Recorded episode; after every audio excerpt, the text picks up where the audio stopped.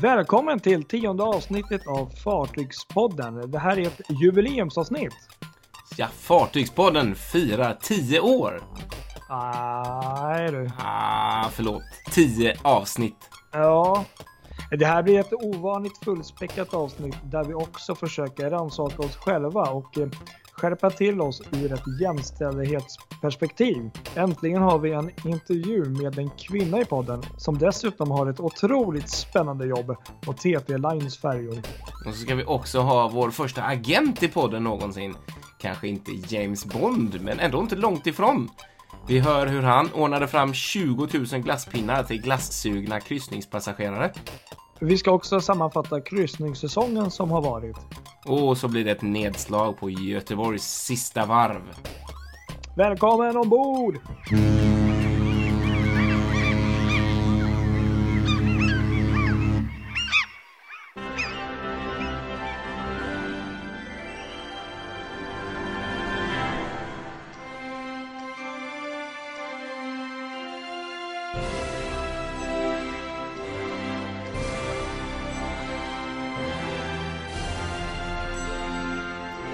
Vad, vad, vad är det här för ljud nu då? Det här är ju inte ett vanligt eh, motorljud eller fartygsljud. Det har ju jag. nej, inte som vi brukar ha på Vad kan det här vara? Ja, vad, vad är det här? Det låter ganska vackert ändå. Ja, det gör det. Det är ju, det är ju festligt det är pampigt. Ja. Är, ja. Mm. Vad säger du? Är det det här kanske man förtjänar när man eh, Ja. jubilerar? Ja, ja men så är det ju. Självklart. Ja. Det är ju, det är ju Happy birthday fast eh, ja, vi fyller kanske inte år men det är ju nästan som en eh, Ja, födelsedag. det är ju jättestort. Tio avsnitt liksom. Det är Ja. fantastiskt. Det känns hur bra som helst. Det känns väldigt eh, stort faktiskt. Tio avsnitt redan. Ja. När började vi? April eller något? Ja, det kanske var något sånt va? Precis. Exakt. Nej, det är riktigt kul. Ja. Och förutom att det är tionde avsnittet så ja, faktiskt idag på råga av allt så vad hände då? Vi, vi gick förbi en gräns. ja, precis. Vi passerade en gräns. En magisk gräns på vår Facebook-sida. Ja. Eh, vi har 600 följare. Det är helt fantastiskt. Jag trodde aldrig att vi ens skulle, ja kanske 100 möjligtvis, 150 men aldrig 600 Nej, fasta följare som eh, följer oss. precis. Är riktigt kul. Ja, riktigt bra. Eller till och med gillare ska vi säga. För vi har ju nästan 630 följare. Men det är ju några där som inte... De, de gillar oss inte, men de följer oss ändå. Märkliga. Ja, ja, så är det. De kanske börjar gilla oss efter. Efter ett tag. Eller Vi får inte. jobba hårt på dem där. Ja, ja. Nej men det är ju fantastiskt. Det känns jättekul. Mm. Och ja, vi- vi är väldigt tacksamma. Det är ju tack vare er lyssnare också som, eh, som gör det möjligt att vi fortsätter att leverera de här avsnitten. Så det är väldigt kul. Roligt när ni är med. Verkligen. Så vi tackar för all respons och eh, för all del fortsätt att höra av er och absolut, alltså vill ni och kan så sprid gärna vidare att vi finns för de som kanske kan tyckas vara intresserade så all promotion är vi alltid glada för. Ja, det är det verkligen. Det är ju skitbra. Verkligen. Och vi har ju som vanligt fått en del eh, ros och ris. Eh, som det alltid är mellan avsnitten. Ja. Ehm, vi har ju gjort fel nu igen. Va? Ja, Jaha, vi har gjort fel, Patrik. Ja, jag har faktiskt missat. Vad, vad har hänt Ja. nu? Nej, vi, vi eh, pratade ju förra gången när jag var i Grekland om katamaranen Blue Power som tidigare hette Delfin. Okej. Som gick mellan Trelleborg och Rostock för TT-line där. Ja. Eh, vi ska tydligen ha sagt att den gått mellan Limhamn och Dragör i podden. Ja. Jag har ingen minne av detta, men eh, vår trogna lyssnare Dennis har påpekat detta och då är det så. Så att Okej. vi, vi gör en eh, pudel. Så var det inte. Nej. Delfin gick såklart mellan Trelleborg och Rostock och inget annat. Rätt ska vara rätt. Ja, nej, men så är det ju. Mm. Så är det, verkligen. Tack så mycket för ja, det, Vi är Dennis. jätteglada Tack. att vi Tack. får eh, veta när vi säger fel saker, för vi vill Ja. ju inte sprida felaktigheter här. Va? Det, det går ju Nej. inte. Nej. Verkligen inte. Nej, exakt. Och sen har vi ju faktiskt fått en request också. Mm, just Det är våran eh, lyssnare Alfonso som Ja, jag vet inte. Alltså, han tycker att vårat intro, våran lilla jingel eller vad det kallas för, att den är så fantastisk. Jag vet inte om han tycker den är bra, men lite rolig. Så att mm. i slutet av det här programmet så ska vi faktiskt köra hela den. Ja, han vill höra hela den, ja precis. Exakt, det var rätt kul. så att eh, i och med att det är ett jubileumsavsnitt så ska du få den. Såklart, vi gör allt för våra lyssnare. Ja, vi jubilerar som sagt här och ja. i mm. alla, eller inte alla, men väldigt många av de här avsnitten så har vi eh, nämnt namnet Boaty McBoatface. Ja, det är en återkommande... Ja, en liten ja. vignett nästan. Mm. Ja, och nu är det dags igen. Aha, för, okay. och nämligen på två olika sätt kan man säga. För det första eh, så har det ju hänt nu då Eh, tågbolaget MTR har ja, döpt ett av sina tåg tisdagen den 17 oktober under stor pompa och ståt på Göteborgs centralstation så döptes ett tåg, inte till Boaty McBoatface, ja. men till det snarlika Training McTrainface. Ja, ja. det flöttar med detta fantastiska namn som alltså ja. är kopplat då till detta brittiska forskningsfartyg som eh, där, där detta namn vann en omröstning men när det senare blev David Attenborough istället eh, för man tyckte inte riktigt det här var seriöst nog. Och det roliga är att eh, Sveriges lantbruksuniversitet eh, har byggt ett forskningsfartyg, eller har beställt ett forskningsfartyg nu. Och vad gör de då? Jo, de utannonserar också en namntävling för det här fartyget, vad det ska heta, såklart. Mm. Eh, då har ju då eh, universitetet fått in nästan tusen namnförslag, 980 stycken närmare bestämt, på vad detta nybygge ska heta. Och gissa då vilket namn som toppar här. Kan det vara Bo McBoatface. Ja. Boaty McBoatface. 200 personer av alla dessa 900 har röstat på att det nya forskningsfartyget ska heta Boaty McBoatface. men alltså jag känner ju lite spontant, det kanske inte är ett jättefint namn, men fan kan man inte bara döpa fartyget Ja, man tycker det, ju det. De liksom... Gör det, någon måste ja. ju göra detta. Det räcker inte med en liten forskningsubåt som de gjorde där. Det måste ju finnas ett fartyg snart som tar det här ja. namnet. Det ja, vi kommer inte sluta prata om detta förrän det händer. Nej, nej. nej, nej så är det. Men det är rätt kul för det här, de har utsett namnet, vinnande förslaget blev Svea. Eh, det ska okay. heta Svea då. Eh, I den här namntävlingen där allmänheten fick skicka in sina förslag så kom 28 olika förslag, eller det var 28 olika förslag som blev eh, möjliga att rösta på som då SLU tyckte var bra att gå vidare med då. Men det, tidningen Ny Teknik, de var lite framåt där och mm. begärde ut alla namn som kommit in överhuvudtaget. Eh, även de då som SLU hade ratat. Och det var så de såg då att det var en hel hoper som hade röstat på Boaty McBoatface. Mm. Eh, fantastiskt cool. Och det fanns en del andra guldkorn som jag tycker är värda att nämna i det här. Som folk har varit kreativa och tänkt ut och skickat in vad de tyckte att den här båten ska heta. Eh, och, och det var ju någon då som, som skickade in eh, Båtig från Båtnylle, den svenska varianten. Ja, ja, ja. Forski, McForskface. och så en person som hade skickat in MS eh, Forsk Nille-forskningsbåten. och så några andra. Arne Weise, tyckte någon. Arne Weise, eh, ja, ja. MS, okay. jaha, vad har vi, jaha, vad har vi här då? ja, vad fint det. Det är nästan svårt att säga. MS, jaha, vad har vi här då? Ja, vad blir det på engelska? Ja, exakt. Yes, what do we have here då? Den. Så MS osänkbar, MS fish and chip, eh, MS eh, license to krill. Den var lite fin nästan Göteborgsskämt. Ja. Eh, och ja, och så var det någon då som hade föreslagit Steffes kryssare. ja, det var jättekul. Ja, ja. de där namntävlingarna är ju faktiskt riktigt roliga. Ja, nej, men som sagt var, Boaty McBoatface 201 ja. röster. Forskningsbåten hade 16 röster. Och Slupen var det någon som hade gissat på, eh, eller röstat på 16 stycken då. Eh, slupen, SLU då, Slupen, det är ju också roligt.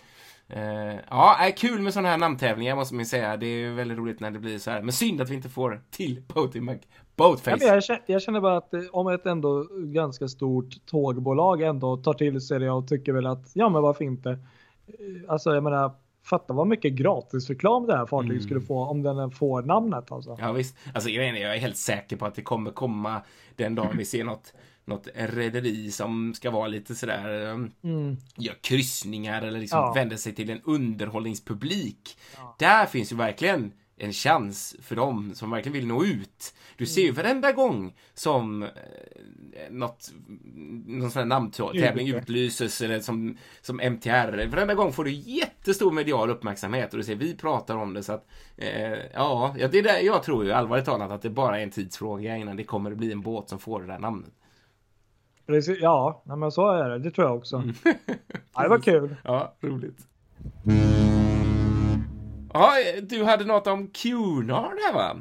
Ja, och det här är då ganska nytt och det finns säkert kanske några av er som har hört det här, men våran kära anrika engelska goa, ja vi kan fortsätta hur länge som helst, Cunard har ju nu äntligen kanske jag inte ska säga, men de har ju nu faktiskt gått ut med att eh, en nybeställning och det var Just det. faktiskt sju år sedan sedan eh, de kom med ett nytt fartyg i, i flottan och Det är helt fantastiska nyheter ju. Ja, faktiskt. Jag blev eh, ja, förvånad kanske lite överdrift, men, men ja, lite blev man väl för att eh, eh, de, de har inte känt som att de har haft eh, liksom, bråttom med att utöka sin eh, flotta i jättehög takt. Nej. Men eh, det var några veckor sedan att de gick ut med det här och eh, det här nya då fartyget eh, kommer då vara färdigbyggt och levereras under 2022 då, år Mm. 2022. Och eh, faktum är att eh, hon blir då fartyg, alltså rederiets största fartyg till antalet passagerare. nämligen. Jaha, okej. Så att hon kommer faktiskt ta mer passagerare än flottans egentligen alltså största fartyg Mm. Queen Mary 2. Så Mm. att 3000 passagerare kommer det här fartyget ha Ja. och eh, ha 113 000 bruttoton och då kan man ju då jämföra det med de här två eh, lite mindre fartygen som finns i flottan som är då Queen Victoria och Queen Elizabeth som Mm. båda systerfartyg och eh, de ligger då på 91 000 bruttoton och tar 2100 passagerare Ja, ungefär. det. Ja, det är en del. Så att eh, Queen Mary 2 då är ju då som är flaggskeppet kan man säga och hon är ju då störst självklart då med sina 151 400 bruttoton. Mm. Men till passagerare så blir det här då nya fartyget eh, störst till antalet. Coolt. Eh, en annan grej som är lite kul är att eh, i och med när då nya fartyget kommer in i flottan då 2022 Mm. så blir det då första gången i rederiets historia sedan 1998 som de har fyra fartyg i sin Ah, flotta. Fräckt. Och eh, som väldigt ofta nu för tiden så byggs då det här fartyget på ett italienskt varv. Mm. Och eh, mycket mer än så här vet man inte. Man har inte avslöjat så mycket men eh, vi har ju sett en video kanske. Det kanske Mm. du också sett. Ja, precis. Exakt. Ehm, Ja. Jag tycker hon ser väl ut lite som en hybrid mellan liksom Cunard, de där två senaste fartygen och eh, lite Koningsdam. Ja, precis. Exakt, exakt. Ganska hög överbyggnad. Den designen lite grann så här, vilket Mm. jag, jag tycker det är trist måste jag säga. Jag, jag tycker Mm. det är synd när de liksom byggde Queen Mary 2 som verkligen var ett sånt jätte Mm. eh, med gamla traditionerna och liksom oh, riktiga Ocean Liners och sådär. Det är många som tycker att Queen Victoria och Queen Elizabeth har lite tråkig design och det liksom finns många i samma klass och sådär. Det är inte riktigt Cunard som ändå ska vara det här klassiska. Och så kommer de och beställer ett till. Eh, det- ah, Jag vet inte riktigt. Det- Jag, jag hade väl haft någon l- lite tänket Queen Mary 2, alltså något, någon helt egen design eller någonting annat på det sättet. Men ehm, sen är det ju insidan som räknas. Jag tror hon blir fantastisk på insidan. Det är ju där det ska vara. Det är ju där som passagerarna ska uppleva, inte, inte, inte på utsidan. Så att... Nej men precis, för att jag Mm. menar Koningsdam eh, från uh, Holland American Line är ju inte jättevacker men invändigt är hon Ja, helt fantastisk. Och eh, man utlovar väl även här att man ska föra Cunards eh, klassiska, du vet, höga liksom standard Mm. vidare. Eh, En annan grej som faktiskt är, det här är ganska intressant och då, då inser man också hur mycket pengar då Cunard satsar för förutom det här nya fartyget då som kostar väl ett antal miljarder Mm. så, så har ju även Cunard nu senaste tiden satsat superstort på att uppgradera, förnya och eh, ja, men liksom sina nuvarande fartyg. Just det, ja precis. Och bara för att ge liksom lite, lite koll på det hela så har man bland annat lagt 132 miljoner dollar på att bygga om och uppdatera Queen Mary. Jäklar vad mycket pengar. Ja. Och det gjorde man då förra året, Ja, 2016. Just det, det var då hon var i Hamburg va? Ja, Mm. Och i år så lade man ytterligare 40 miljoner dollar på att uppgradera Queen Victoria. Just Som eh, man uppgraderade i början av 2017. Ja. Och nästa år, någon gång under nästa år, så kommer då även Queen Elizabeth genomgå samma typ av uppdatering Mm. för cirka 40 miljoner. Så sammanlagt har då man lagt beställning på ett nytt fartyg Mm. samt att man har lagt ut 212 miljoner dollar på uppgradering av nuvarande flotta. Så att det är Jävlar, det är en investering. Det är klart det krävs. För jag menar, Ja. alltså, jag kommer ihåg, det var ju har det ändå gått ganska många år sedan Queen Victoria kom. Eh, jag minns verkligen när jag, jag åkte upp till Oslo då. Mm. Eh, på en sån jag tog nattbussen upp och så var det en sån julanlöp som kom någon gång i december Just det, sådär. det kommer Och jag jag åkte upp och det var nästan, nästan, nästan för mörkt för att det ska Mm. gå att fota. Men det var ändå fantastiskt liksom att se henne komma in där. Och, eh, under dagen såg man ju när hon låg där i, ehm, i eh, Oslo vid, vid Ackerbrygge, där vid Ackeryds fästning. Det är så otroligt vackert. Eh, och då var du avundsjuk minns jag. Ja, men jag, kom, jo, men jag kommer ihåg. Och eh, Queen Victoria som du nämnde där. Hon byggdes ju 2007. Sen kom ju Queen eh, Elizabeth 2010 då. just det, just det. Ja, Och Queen Mary hon byggdes 2003, 2004 ja, sånt ja. där någonstans. Mm. det. Just det. Nej, det är häftiga fartyg i alla fall. Det är, det är fortfarande min dröm. Det är, mm, står på min bucket list. Det är att få Mm. åka Queen Mary 2 från Southampton till New York. Alltså. Vilken Mm. resa alltså. Mm. Nej, men det var faktiskt en rolig nyhet så att eh, vi ser fram emot det. Kul. Och, ja, Mm, verkligen. Jag tänkte vi skulle gå över till något som kanske är lite mindre roligt. ja, Ja, okej. tyvärr. Det, det är ju så. Det händer ju olyckor på sjön. Eh, allvarliga katastrofer. Vi har ju en sån här i våra trakter. Estonia, 23 år sedan nu i år som eh, Estonia förliste. Mm. Eh, och det som är eh, blev en nyhet, förutom att det var en årsdag för inte så länge sedan, det var att eh, i Finland så flöt det plötsligt upp en livboj från Estonia. Ah, just det. Eh, Ja. Som ett par forskare hittade som var ute och eh, vad gjorde de? De försökte få bort invasiva rosenbuskar från någon, någon ö sådär, i skärgården.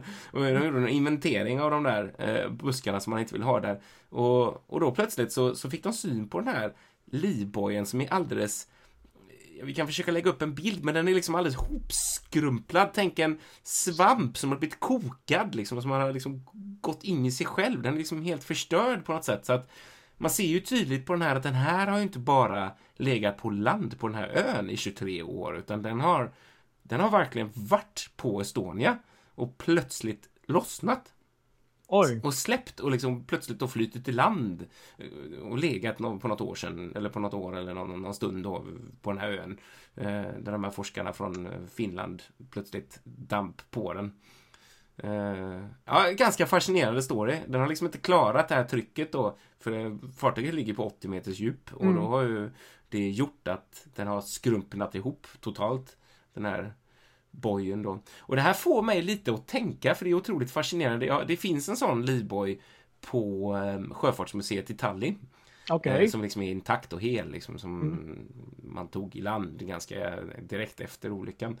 Men just i och med att de här hittade den här grejen, hur mycket andra grejer har liksom flutit i land från Estonia som Mm. folk har hittat på skärgårdsöar och som folk har tagit med sig utan att liksom rapportera det eller liksom lägga ut och Mm. sånt. Det kan ju absolut ha hänt. Det kan till och med vara så att det kommit grejer som folk inte ens förstår att det var från Estonia. För en livboj är ju ganska uppenbart, men jag menar eh, däcksmatta och liksom stolar och massa grejer. Det står ju inte Estonia utan tänker man bara, jaha, det är väl någon båt som har tappat liksom. Och ja, det kan ju ha varit därifrån. Ja, nej, det är faktiskt sant. Ja, det är fascinerande i alla fall. Är, det är en parallell till det här eh, är också, jag är också alltid otroligt fascinerad av om man tänker Costa Concordia Mm. eh, som ju förliste utanför eh, Giglio där i, eh, Italien där vi var. Vi besökte Ja. ju den faktiskt. Eh, alla de livbåtarna de, de drog- drogs ju in, alltså när de, under räddningsoperationen så hamnade de ju på i den lilla, lilla hamnen på Giglio. Då låg de där allihopa. Eh, sen försvann de och jag har suttit och googlat och så här försökt ta reda på vad som hände med de där livbåtarna. Eh, men, ja, ingen aning. Nej, jag vet inte heller Det vad man gör. är jätteintressant, för jag menar, de är ju fullständigt funktionsdugliga livbåtar som egentligen borde gå att montera på vilket kryssningsfartyg som helst. Man byter namn bara och så... Ja. Det kanske, det kanske, det här är ju bara en, jag har ingen kunskap eller vetskap om det här, det här är ju bara en teori.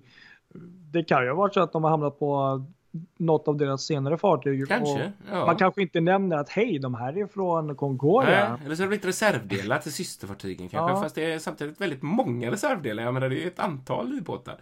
Jag tror inte det är så populärt att använda, liksom säga rakt ut att vi använder Nej, det är ju just det. Det är just det. Det är ju säkert därför det är så svårt att ta reda på sånt där. Men det är, jag menar, det är ju ändå båtar som är helt... Jag menar, de har använts för övning och sen så en gång skarpt och så är det... Ja, Mm. De lär ju inte blivit skrot menar jag, som fartyget.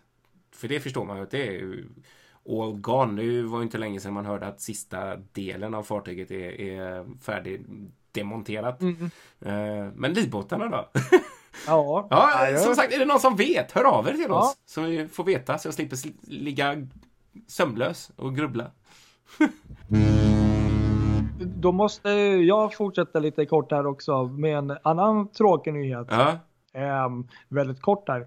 Det var nämligen så att här i veckan eller för någon vecka sedan så var det faktiskt ett dödsfall ombord på Carnival Glory. jaha, okej. Det här är väldigt tragiskt faktiskt för att det var nämligen så att det var varken storm eller någonting utan fartyget låg i Miami. Och eh, det var tydligen en åttaårig flicka som ramlade på något sätt, jag vet inte om hon klättrade eller något, från någon av de övre våningarna i atriumet och Aha, ramlade gud. ner Fy vad och hemskt. dog tyvärr på grund av de skadorna. Ja, fy vad, vilken mardröm. Ja, faktiskt. Det var Mm. väldigt eh, hemskt att läsa det här och eh, ja, nej, jag vet inte. Ja. Så, mm, Ja, ja, usch. väldigt tråkigt. Väldigt tråkigt. Ja, det är det verkligen. Det ju, händer ju ändå då och då att just barn förolyckas. Alltså det har ju Ja. varit ett par incidenter. Nu Mm. var det ett tag sedan tror jag, men just när det gäller barn och poolerna Oh, ombord. ja. Och, eh, det Så var, här känns det ju mer som att eh, utan att spekulera för mycket, hon, hon måste ju på något sätt ha klättrat av ja, saker. visst. Det har varit något sånt och det är ju väldigt svårt att eh, stoppa sånt. Mm. Alltså det är ju, det är ju liksom, ja. Vi säger bara en sak. Barn. Ge fan i att klättra på saker. Ja. Ja. Nej men tragiskt var det bara. Ja. Ja, vi kanske ska lyfta upp oss här nu. Nu har vi blivit Ja, eh, dödgrävarpodden Ja. här. Vi kanske ska bli Ja. lite mer... vi ska, vi ska ju göra något historiskt här i vår eh, tio avsnitt långa. Det var nästan nära att säga tio år igen. Ja. Tio år långa. Tio avsnitt långa poddhistoria. Eh, vi har ju inte haft med någon kvinna tidigare, men nu är det dags. Nu är det ju dags och, Mm. det, och det blir ju nästan lite speciellt nu att ha det som tionde avsnittet här. Ja, faktiskt. Eh, Så att, ja men det, så är det. Jo Mm. nej, men det är nämligen en tjej som heter Tess Mhm. som eh, har ringt upp här och eh, hon ska nog få förklara lite vad hon, eh, alltså, vad hon jobbar med. Hon jobbar säsongsvis så vill jag bara tillägga också. Mm, okej. Det kommer ju komma fram här men Mm. eh, jag tycker vi lyssnar nu lite och ser Det gör vi. hon, vad hon sysslar med. Mm. Hej Tess! Hej Patrik! Kul att du är med oss här och eh, ja, det här är ju faktiskt första gången vi har med en eh, kvinnlig gäst i programmet, så det, eller i podden, så att det känns väldigt stort. Ja men eh, tack så mycket för att jag får vara med. Och ja, det finns ju faktiskt kvinnor ombord på fartygen där ute så det är väl självklart att kvinnorna också ska få ta plats. Ja, jag, jag tänkte att eh, du skulle få berätta lite om dig själv, v- vem du är och vad du, ja, men vad du sysslar med om dagarna. Eh, Ja, mitt namn är Tess Lydholt Berg. Eh, Jag jobbar som filmskapare och barnskötare på förskola. Men så är jag ju också barnunderhållare. Mm. Och om somrarna så är jag ombord på en färja. Jag underhåller barn om dagarna. Det, lå- det låter riktigt kul, eller spännande sådär tycker jag. Eh, då kommer den här klassiska frågan, hur hamnade du på sjön? Eh, Ja, inom teater och filmbranschen så handlar ju allting om kontakter så. Så att mm. Den ena personen ledde till den andra och så hade jag ett sommarjobb. Mm. Ja. Mm. Men, eh, vad, kan man fråga, vilket eh, fartyg eh, och rederi är det du har jobbat på? Eh, jag jobbar på TT Line som kör mellan Trelleborg och Travemünde. Jag har tyvärr aldrig rest med mm. dem, men ehm, det får jag väl prova på någon gång. Ehm, vad skulle du säga är den absolut största skillnaden att jobba som du gör ute till havs uh, gentemot att jobba i land? Ehm, ja, den, den, allra största skillnaden är ju att ja, när jag jobbar i land så får jag komma hem och sova i min egen säng. Ehm, och är jag ute till havs så är jag ombord ehm, flera dagar i rad och eh, så. Men så att när jag är ombord på färjan så tappar jag vardagslivet kan man säga. Eh, jag tappar vardagsstressen, mm. Eh, är väl mer korrekt. Ehm, och nej men jag, jag, tycker att det är väldigt skönt att komma ut på havet. Ehm, första säsongen när jag var ute så var det, ja, men då var det lite svårt att vara ifrån pojkvännen och sådär och tryggheten i land. Ehm, men med åren så har det blivit allt skönare att ge sig iväg faktiskt för att jag får en chans att koppla av. Mm. Eh, jag behöver inte tänka på alla små vardagssysslor hemma och ja, allt annat man ska göra här i livet utan då är jag på båten och ja, men jag gör mitt jobb och sen kan jag koppla av, läsa en bok, titta på film eh, eller bara hänga ute på däck i solen. Mm. Och mm som du säger, jag kan tänka mig att det är väl det är ett jobb och man har ju ett ansvar och sådär. Men att det, det, blir ju som en, det blir som en liten egen värld där på båten kan jag tänka mig. Det blir ju en värld utanför den riktiga världen, eller den andra världen vardagliga? Ja, den är liksom, ja men absolut, den är ifrånkopplad. Jag kan inte göra någonting. Ehm, än annat än att jobba kreativt. Ja, precis. Ja. ja. det kan ju vara bra det också. Mm. Eh, att uh, få känslan ändå, att kunna jobba och känna att det ger ändå en viss typ av eh, ja, men semester. För, eller för sinnet kanske man ska säga mest då kanske. Ja, verkligen. Ja. För en som inte vet, eh, vilka utmaningar har du som barnunderhållare på en färja? Vad, vad, är det för hinder eller vad är det för problem eller vad är det, som, vad är det du kan stöta på under en arbetsdag när du jobbar med det här? Eh, för det första, vi jobbar ju enbart med att underhålla barnen. Vi, vi är inga barnvakter, men det tror många föräldrar. Okej, okay, ja. Eh, så att där, där ligger ju en, en utmaning. Precis.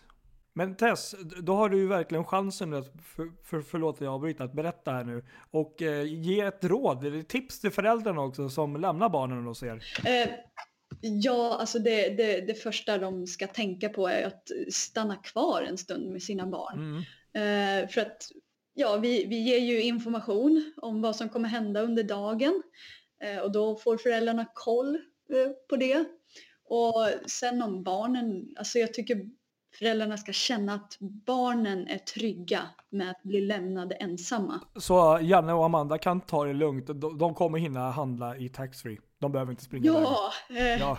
vi har vi har liksom nio, åtta till nio timmar ombord på ja, den här okay. båten. Det finns gott om tid. Som bara har en taxfree och en restaurang och en bar.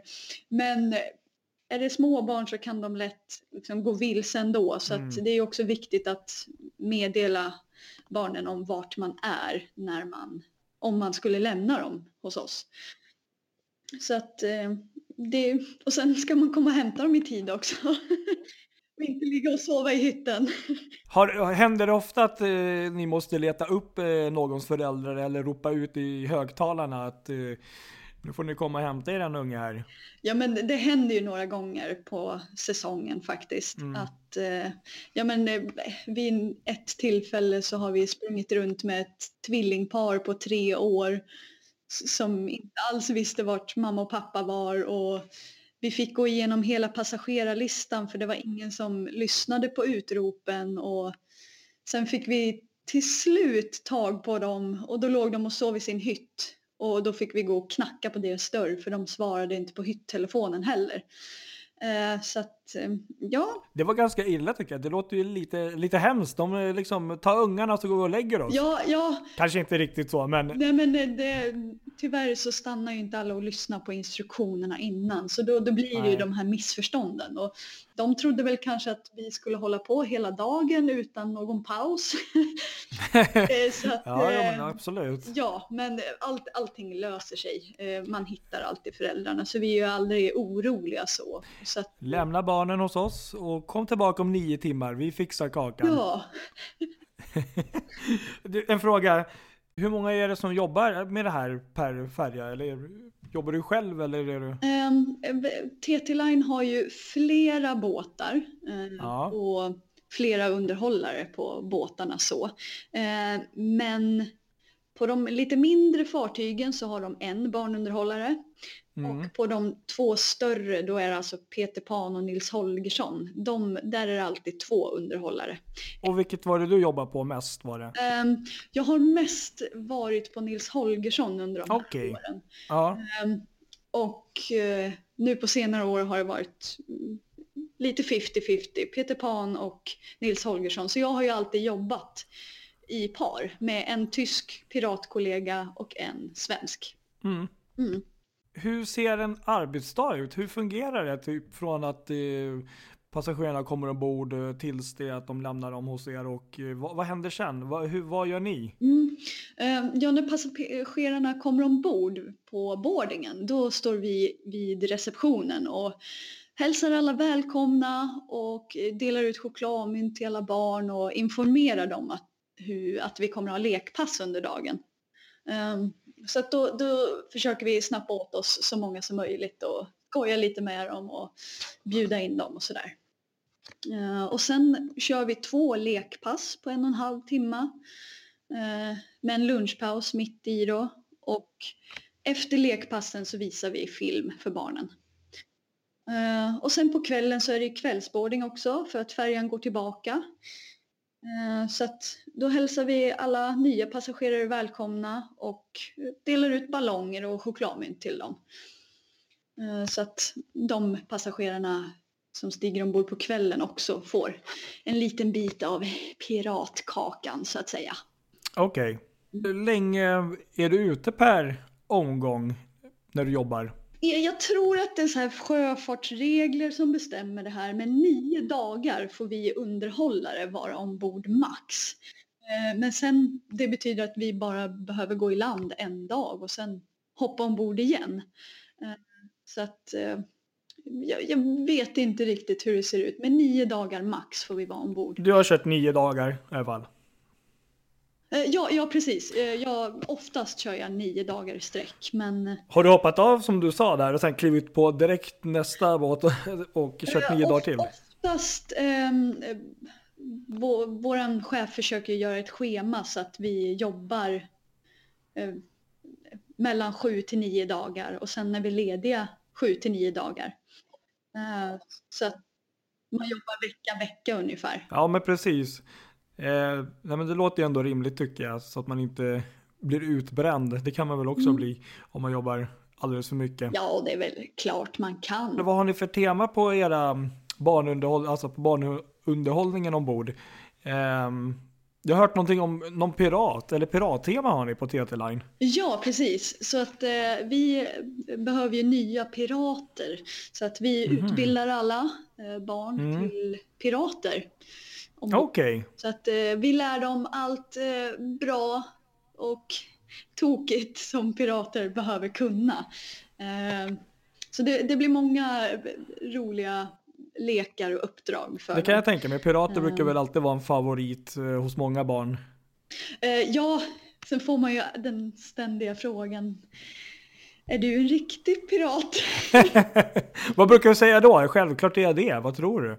Ja, ja oftast. Eh, och sen kan man ju komma med väldigt många argument för och sådär. Och mm. Sen brukar de tjafsa emot ibland och eh, sådär. Så att eh, ja, men det är en ständig, ständig eh, fråga man får tackla den där. Och det beror ju på lite hur, hur gamla barnen är och Eh, sådär. Och hur mycket de kan om havet och sådär. Så att eh, den går alltid, nästan alltid får de att tro på att man är en riktig pirat faktiskt. Ja, ja men det kan jag faktiskt tänka mig. Mm. Eh, har ni någonsin eh, försökt eh, ta över skutan och varit uppe på kommandobryggan och försökt tvinga till styrratten? Tyvärr får vi inte det, men eh, det är drömmen. ja. vi, vi, vi, vi, tänkte så här, om nu någon på TT Line hör det här så får ni jättegärna arrangera Nej, kanske inte. Sä säkerheten går ju alltid först och så ja, är det ju. Men det är inget barn som har behövt gå plankan än, eller någon av piraterna menar jag? Någon som har varit olydig?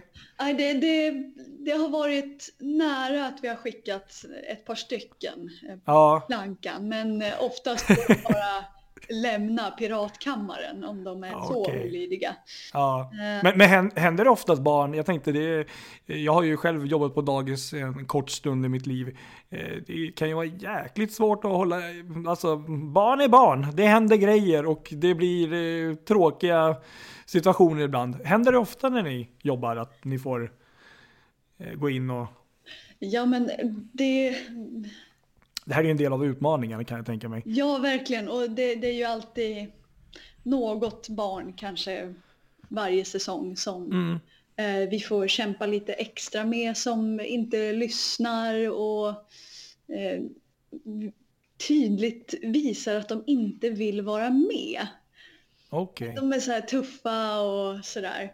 Eh, och då pratar ju vi bara med dem och säger det att det är ingen som tvingar dig att vara med. Så att du får lämna rummet om du vill det. Eh, då... Har ni varit tvungen att ringa på föräldrarna någon gång att eh, nej nu får ni hämta ungen, det här går inte? Eh, nej, utan eh, det har ju varit några extrema fall och då har vi oftast bara skickat ut dem. Eh, då, då får de inte komma in igen för de förstör för alla andra. Eh, så att eh, då, då är det verkligen så här extrema fall, då, då kan vi inte fortsätta. Eh, och ja, men då, då får vi bara skicka ut dem ur, ur rummet. Eh, kan jag ju förstå. Ja. Så att, eh, men det, ja, inte så ofta ändå. Nej, men det är ju tur det. De, jag, jag, antar att de har ganska, eller väldigt kul när de är med. Jag tänkte bara lite där när ni har, ja som du sa, ni jobbar ju två personer, en tysk och en svensk. Eh, blir det så här, blir det jobbigt ibland? Jag tänkte, hur eh, blandar ni det? Är det två grupper eller för jag tänkte, pratar ni tyska vart om varannat eller hur, hur får ni ihop det där? Um, off, jag, jag har ju som tur att jag pratar både svenska och tyska. Okej, okay, ja. Men med kollegan så brukar vi prata engelska med varandra. Mm. Det går fortast. Um, och då, då är vi mest säkra på, på att den andra förstår. Um, och då, då, kanske man undviker att alla barn förstår vad vi säger när vi kanske snabbt ska planera nästa lek och sådär.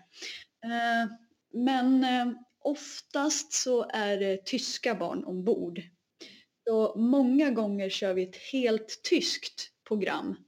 Uh, så att eh, då, då blir det bara tyska och det är ju skitkul att jag kan tyska då för då kan jag vara med och delta hela tiden och, och sådär. Så att det, det är väldigt roligt. Och är det svenska barn ombord också så är det majoritetsspråket som vi har i rummet brukar vi säga först. Så okay, är, det, är det fler ja. tyskar, då pratar vi alltid på tyska först och sen förklarar vi på svenska. Och är det tvärtom så tar vi ju svenska först och tyska sen. Så att... Eh, bara lite så här om du får en känsla så här. Bruk, vilken tror du det brukar vara mest eh, av när det gäller barnfamiljer? Är det tyska sidan eller ja, svenska? Det är flest tyskar som åker, upplever jag i alla fall.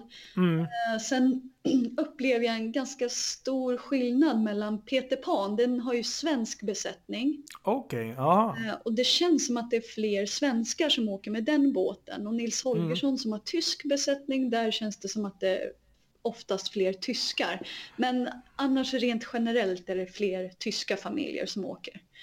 Eh, okay, Kanske ja. att de svenska familjerna tar broarna istället. Ja. Um, ja, jag kan, kan, faktiskt inte svara på varför. Men, uh, mm. Nej, nej, det var bara en intressant fråga. Ja. Jag tänkte en annan grej, lite här med utmaningar, kanske när man jobbar som ni gör, kan ju vara lite känsligt kanske i vissa eh, avseenden. Men eh, jag tänkte om man nu har ett barn som har någon typ av funktionsnedsättning, eh, hur fungerar det? Nej men alltså, ja, ja, de är alltid med faktiskt. Eh, så att där är det ju ingen skillnad alls. Eh, ja, sen, sen är det ju vissa som kanske behöver speciell assistans men det kan ju handla om vilka barn och människor som helst. Så att, eh, men genom att vi eh, ska ta hand om hela gruppen så ber vi oftast eh, en, en förälder eller ett syskon att ta hand om den personen lite extra då. Men annars är de med som vanligt. Det låter jättebra tycker jag. Ja men det, det, det, det var ju faktiskt en jättebra fråga för att Mm. Alla kan verkligen delta. Det är klart att vi kör vissa så här springövningar och lekar och sådär. Eh, men sitter man i rullstol kan man rulla med och alltså, har man svårt att röra på sig så kan alltså, man tar allting Mm. i sin takt hela tiden. Att, eh, det, det är inga konstigheter alls där faktiskt. Nu vet ju jag lite mer än de som lyssnar. Jag, jag känner ju till lite mer om eh, en viss eh, karaktär som du brukar vara på de här båtarna och som du även har tagit vidare till ett annat projekt. Ehm, den här piraten som du är ombord på båtarna. Eh, berätta lite om henne och berätta lite om ditt eh, lite egna projekt som du har vid sidan om. Som inkluderar eh, film. Ja, min piratkaraktär Rubina heter hon. Ja, Mm. Kapten Rubina. Eh, hon har ju funnits med mig i de här fem åren som jag har jobbat ombord. Ehm, och för, vad blir det? Eh, tre, fyra år sedan tror jag det är nu. Ehm, så såg jag att eh, Barnkanalen sökte programledare. Mm. Jag tänkte dit vill jag söka. Så Aha. då skulle man göra en presentationsfilm och då använde jag mig av Kapten Rubina. Ehm, och jag fick inte jobbet, inte än i alla fall. Jag har inte hört någonting. Ehm, en Mm. dag kanske mm, hör de av sig. Ehm, Jag vill bara flika in här och säga att jag har ju sett den här filmen eller de här ehm, trailern och sånt och det är ju riktigt bra gjort. Det är ju fantastisk produktion som du och dina vänner, filmvännerna heter det ja, va? Filmvännerna heter Jag tycker ni gör ett jättehäftigt jobb och eh, det är verkligen en riktigt fin produktion och eh, roligt. Så um, Men, tack, och det, det var ju det jag märkte också att barnen tyckte om den här presentationsfilmen jag gjorde som egentligen är en CV-film i form av en skattjakt. Och jag såg att barnen liksom sugs in i den här och de tycker att Rubina är väldigt intressant som karaktär. För är hon snäll? Är hon elak? Vad, vad är det här Jaha. för ja, hur är hon egentligen? Hon verkar ju lite sådär ibland. Ja, men hon är ju en av de mest egoistiska kaptenerna som har funnits på världshaven. Eh, det märks ju väldigt. Hon har väldig självbelåtenhet och stolthet och ja, det sätts ju på spel ibland. Ehm, så att eh, ja, hon har en väldig fasad hon måste hålla uppe den här Rubina. Ehm, och det, det är väldigt roligt många gånger. Hon, hon klantar till sig och tappar det här och ja, och det är ju då barnen tycker det skrattar verkligen. Ehm, Eh, och Jag tänkte lite för dem, ja förlåt. Eh, ja, men när jag såg att barnen tyckte om Rubina så Mm. ville jag göra något mer. Och ett intresse jag har haft väldigt länge är barns rättigheter. Eh, Så Mm. jag tänkte att jag skulle slå ihop de här. Barnkonventionen möter ett piratäventyr. Och Mm. ehm, så fick jag idén till Rubina och rättigheternas skatt. Ja, just det, det var det jag tänkte fråga om där. Just det, Och ja. den här, vi har faktiskt gjort en trailer till Rubina och rättigheternas skatt och den ligger ute på Youtube som man kan eh, klicka fram sig till. Ja, vad ska man söka på om man nu vill se den här fantastiska? Jag har ju sett den, den är riktigt bra så att jag säger till alla som lyssnar, gå gärna in och se den. Var hittar vi den? Eh, på Ju- Filmvännernas YouTube-kanal, och- eller så tittar man på Rubina och rättigheternas skatt så ska den komma upp där. Just mm. det. Så eh, ja, men eh, det är faktiskt väldigt spännande. Vi, vi ligger i en liten förprocess nu där vi håller på att förbereda en pitch och sådär. Så vi har Mm. fått en producent och ska träffa en regissör som har gjort en hel del grejer nu och ja, men eh, vi, vi tror verkligen att det här kan bli någonting. Mm. Jag, jag hoppas verkligen att det blir något stort för du- och eh, som sagt dina vänner här i Filmvännerna, ni har ju verkligen talang för det här och det kommer nog folk se, eh, de, som lyssnar nu, om de går in och tittar för att eh, det är ju en riktigt eh, bra produktion, det är det som jag nog blir mest imponerad över. Så att jag, jag hoppas ju verkligen att ni når ut till den här riktigt stora publiken en vacker dag, gärna snart också kanske. Ja, Men nu, har- ja. ni, ni har ju ändå hållit på ganska länge sådär. Ja, och vi, vi vill ju att produktionen ska vara bättre än den är i den här trailern som vi har gjort. Vi vill, vi vill ha ännu mer storslaget. Och, och medan man väntar på att den här serien, som det är då, ska komma så kommer det ut i alla fall två kortfilmer. Okej, om Rubina då eller? Ja, eh, och då är det enbart Rubina med i, de här kortfilmerna som är ute på olika skattjakter.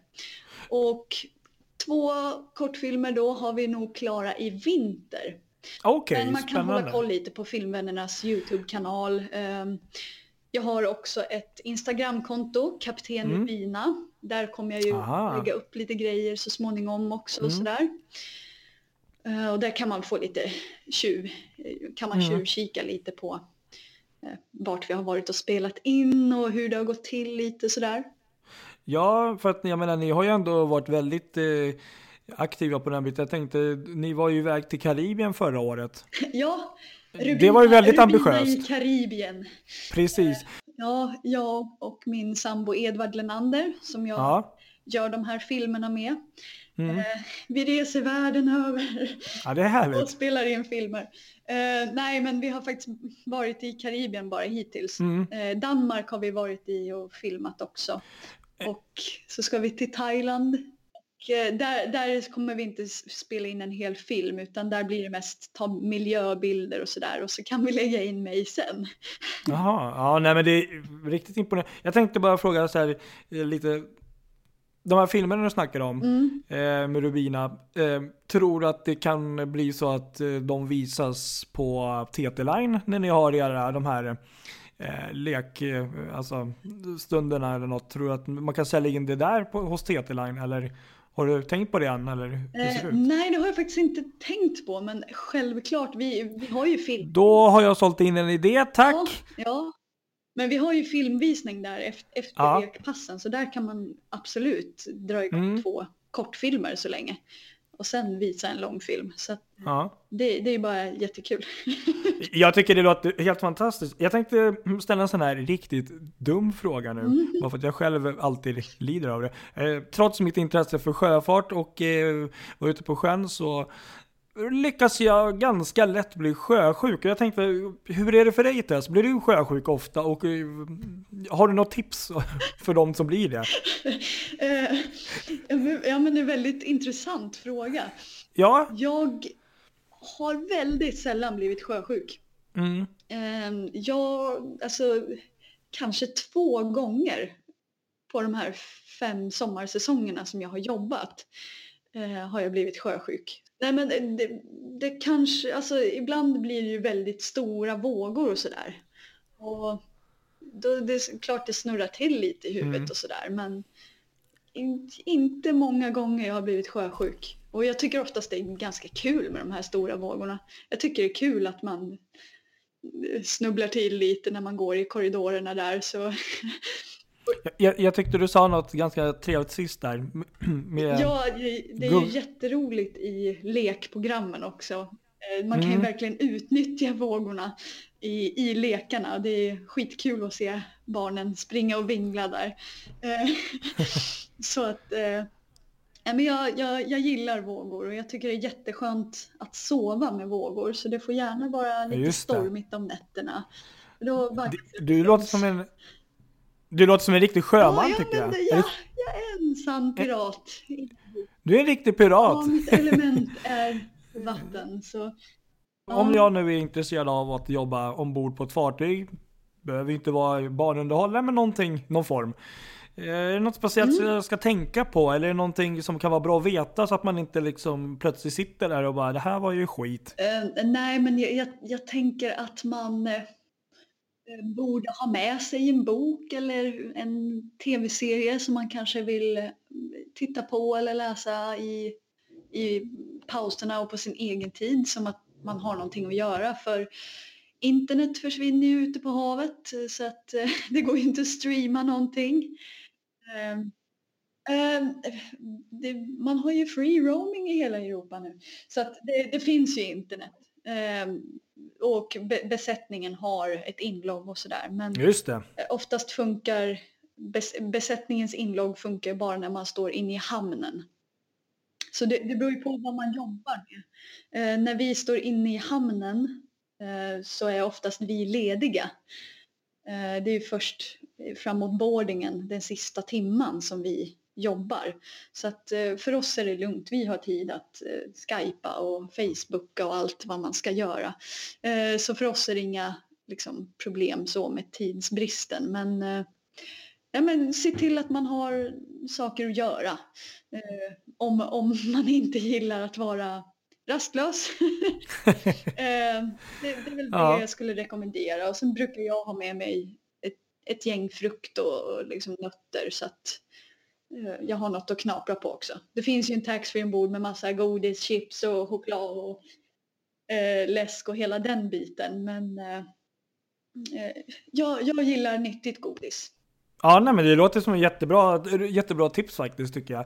Eh, Tror du att vi kommer få se dig ombord på Nils Holgersson eller Peter Pan eh, sommar 2018 eller eh, hänger det på filmprojekten eller hur det går där nu eller? Ja, vi, vi, vi, vi, pirat, vi pirater får ju veta i januari Aha. ungefär Mm. eh, om, om vi kommer ombord Ja. eh, eller så. Så då, då får vi ett erbjudande. Eh, ja, okej. Men jag, jag kommer eh, högst troligen vara ombord om jag inte spelar in en tv-serie Jag tror du skulle säga om du inte får komma ombord. Du är ju pirat så du tar dig ombord ändå. Ja, ja, det gör jag. Självklart. Ja. Ja, jag vet vart man går ombord. Du kan där Tess. Ja. Ja, jag Nej, kan. Nej men faktiskt vad, vad kul. Det, här, alltså, det låter jätteintressant och fått lite insikt i hur det kan vara att jobba till sjöss och vara barnunderhållare. För jag tror, inte, att all- jag tror folk lite tar det för givet liksom. Och som du säger också att man tror lite att det är en dagisfröken men det är det ju inte. Eh, Nej. att, eh, Vi vill därför ha Nej men precis. Så att, eh, nej men det var lite spännande att få höra där och sen självklart dina, ditt projekt här med film och sånt. Mm. Eh, jag bara önskar dig lycka till eh, Tess, jag tror även eh, våra lyssnare kommer tycka att det här är intressant. Så att eh, jättekul att du var med här och eh, hoppas det går bra framöver. Ja, men tack så jättemycket och tack för att jag fick vara med. Och så får ni som lyssnar kika in då på en Facebook-sida eh, eller på Instagram eller på Filmvännernas YouTube-kanal och så får ni Ja, jag tycker absolut att alla ska göra det. Eller kanske se dig på TT-Line till sommaren. Ja, absolut. Ta Ja. med familjen på en dagskryssning om inte annat. Ja, hej! Ja, gud vad kul, vilken spännande, vilket spännande jobb alltså. Ja, alltså man har väl alltid undrat liksom hur det är att jobba som barnunderhållare på ett Ja, fartyg. verkligen, verkligen. Kul att ha haft med en pirat i podden också. Ja, verkligen. Hon är ju liksom pirat eh, all in här. Ja, Och verkligen kul. Jag hoppas verkligen att eh, det kommer också gå bra för henne och de här um, filmdrömmarna om att kanske få ett eget barnprogram och sånt. Så att, eh, Mm, Precis. gå gärna Exakt. in och titta på, på, på det på Youtube. Vi kan eh, lägga in en länk här så får ni se vad, vad de har gjort hittills. Exakt. Det är lite kul faktiskt, det måste Ja. vi nämna också med de här båtarna också. Eh, Nils Holgersson och Peter Pan. Eh, Mm. För TT Line där, för det kom ju en nyhet för inte så länge sedan att de ska bli längre. Just det. De ska bli Ja, det- 30 meter längre. Det glömde jag faktiskt ta upp. Ja. det är ändå lite roligt ju att, Ja. att eh, de satsar där. Det är, ju, det är ju inte helt ovanligt att uh, rederier väljer att istället för att bygga nytt och sådär att man väljer att förlänga befintligt tonnage för att öka la- lastkapacitet och sådär. Det här innebär att det blir 30 meter, var det 30 meter? Va? Ja, 30 meter. Det blir Precis. 30 me- meter längre att gå för eh, Tess och Ja, det de andra det. Det piraterna. blir 30 meter mer och se till att Ja. det finns piratverksamhet ombord Ja. för barnen då. Ja, nej, det är fantastiskt. Ja, men det var jättekul faktiskt och vi är jätteglada att hon Ja, ville vara med. Och så så att det, det blir fler spännande intervjuer framöver med Kul. kvinnor. Ja, det blir det. Ja. Ja, ska vi gå över på eh, kryssningssäsongen som nu är Ja! över. Eller Mm. nästan över. Vi får väl rätta oss själva och säga att det är ju Mm. några julanlöp kvar, men sommarkryssningssäsongen är ju i alla fall över nu. Den är ju det. Det är Mm. Alltid ju- lite VM. Ja, det är det. Nu har man sett så här, om man sitter och kollar på Essen så ser man att de sista så här, kryssningsfartygen lämnar till och med Köpenhamn som brukar vara sista Mm. så här, Oslo. Jag såg Aida, eh, Aida Vita eh, passerade i Öresund nu här bara för någon dag sedan. Och en, en av de båtarna som varit kvar längst är väl Norwegian Getaway där som lämnade Nynäshamn. Hon var ju sist, sist ut från svensk hamn i alla fall vad jag förstått. Mm. Men eh, du Patrik, eh, om vi skulle börja bena i den här kryssningssäsongen lite nu då och börja uppe hos dig där i Stockholm. Hur har säsongen varit i år? Ja, jo, alltså jag tycker väl att den har varit eh, ganska bra faktiskt. Det Mm. har ju ändå varit, nu har jag faktiskt egentligen inte koll på allt eh, och vet vilka alla fartygen är, men, men det har varit eh, spännande. Då. Vi har ju haft två eh, i alla fall eh, riktigt stora giganter som har gjort eh, premiäranlöp och Mm. eh, det är ju då MSC Fantasia bland annat från MSC Cruises. Och sen så hade vi ju då också NCL, Norwegian Cruise Lines eh, Getaway som också både besökt, eh, anlöpt eh, Nynäshamn och Stockholms hamn. Mm. Eh, det var väl de två riktigt stora sådär. Men eh, det har ju varit rekordår i Stockholm. Ja, jag förstod det. Jag läste Ja. någon siffra om att eh, Stockholm har antalet passagerare har ökat med 22 procent. Stämmer bra. Så Det är runt, sjukt ju. ja, det är riktigt bra. Så 600 000 eh, passagerare har då besökt.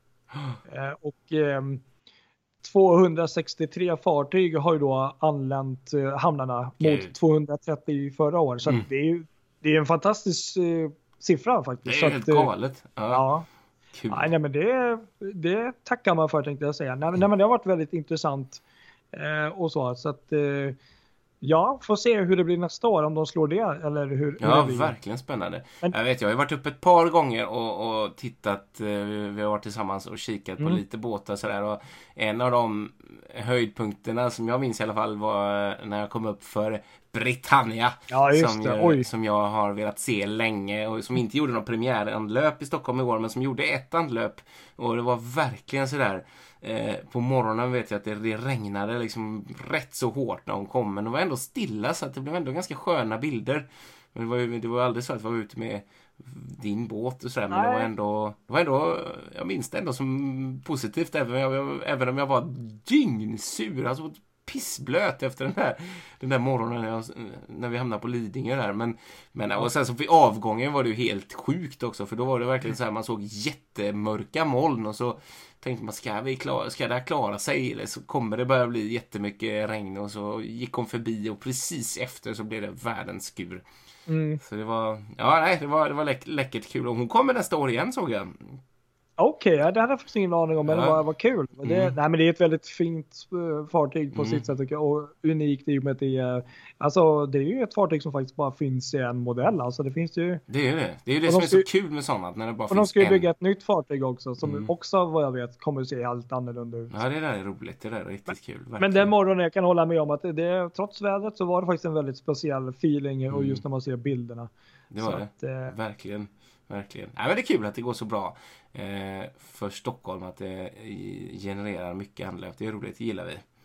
Sen om vi ska eh, snegla på min stad då, ja, Göteborg. hur har det gått för Göteborg då? Ja, där, det, det, alltså jag är ledsen att säga, men det, vi har ju inga rekordnivåer längre. Vi har ju tappat så mycket på grund av eh, förbannade danskarna. Nej, förl- Mhm. förlåt. De Oj, oj. underbara danskarna. Mm. Eh, de har ju, Skagen där har ju byggt en, ny jättelång kryssningshamn som gör att Skagen plötsligt har blivit ett fint alternativ. Det ligger liksom precis på samma eh, kan man säga, samma stopphöjd eller samma avståndshöjd. Ja, breddgrad, ja, typ samma. Så att det är ingen, om du gör en sån Östersjökryssning och stannar i alla de här hamnarna och har en dag över så spelar det ingen roll om du lägger dig i Skagen eller i Göteborg. Och då är det många som väljer Skagen för att Skagen är Skagen. Det är, vi har inget att slå Skagen med Göteborg. Det är tyvärr så. Fast jag tycker ändå Göteborg, nu kommer jag in min egen personliga tanke, alltså det är ju ändå intressant fin stad så att jag menar. Jo, det är klart, men ändå. Jaha, nej. För, nej. för en, ett dagsbesök liksom. För, och gå på grenen och, och besöka konstmuseerna. Och, mm. Ja, nej, det, det, är ju, det är ju svårt. Och, det är dejligt i Skagen, så är det. nej, det i alla fall, jag... sak samma. Det, eller vad skulle du säga? Mm. Det enda jag kan tänka mig, det är ju bara en teori och det är väl kanske de största fartygen då att det är inte jättelångt, men det är väl att det ligger en liten bit utanför industrihamn. Att, ja, det är ju det som är problemet också. Precis. Det det liksom. Man kommer inte ända in och sådär. Men mm. det där ska de försöka boosta också nu till nästa år här i Göteborg med en helt ny kryssningsterminal där vid gamla Amerika kajen ja. ju som ska bli jättespännande att se hur det blir. För det var ju faktiskt nu, nu har vi ju, nu har den sista kryssningsfartyget någonsin, om inget, inget eh, annat händer, lagt till i Frihamnen. Eh, för det ska ju börja byggas ganska så rejält där, så det blev eh, Saga Pearl var det som var inne där okay. och gjorde sista, sista gången någonsin i Frihamnen som det lägger till ett kryssningsfartyg. Annars har väl säsongen i Göteborg bjudit på en hel del kul och intressanta fartyg. Alltså, även om det inte varit så många anlöp. Vi har haft 44 anlöp och omkring 50 000 passagerare, vilket är hälften mot rekordet då, som ligger på 110 000 passagerare. Eh, så är det ändå tangerat rekord när det gäller hur många olika fartyg som kommer. Det är 20, 25 olika fartyg här. Samma antal som eh, år 2015 Okay. Eh, när det var 73 anlöp, då var det också 25 olika fartyg som gjorde dem. Så så sätt så är det ju ändå kul. Det är ändå ett rekordår så sätt.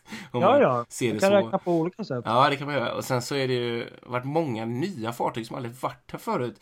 Mindshift 6 kom hit för första gången till exempel. Mm. Nybyggda Costa Pacifica har aldrig varit här. Hon kom hit även om jag råkade missa henne för då var ah. jag, då var jag, vad sjutton var jag då? Jag var i Grekland då ju. Jag missade henne för jag var i Grekland. Det var ju okay. surt men jag kan säga Greklandsresan vägde upp mot ah, Costa Pacifica. Jag tänkte säga det. Det var så, synd var det inte. Nej, så, så synd var det inte.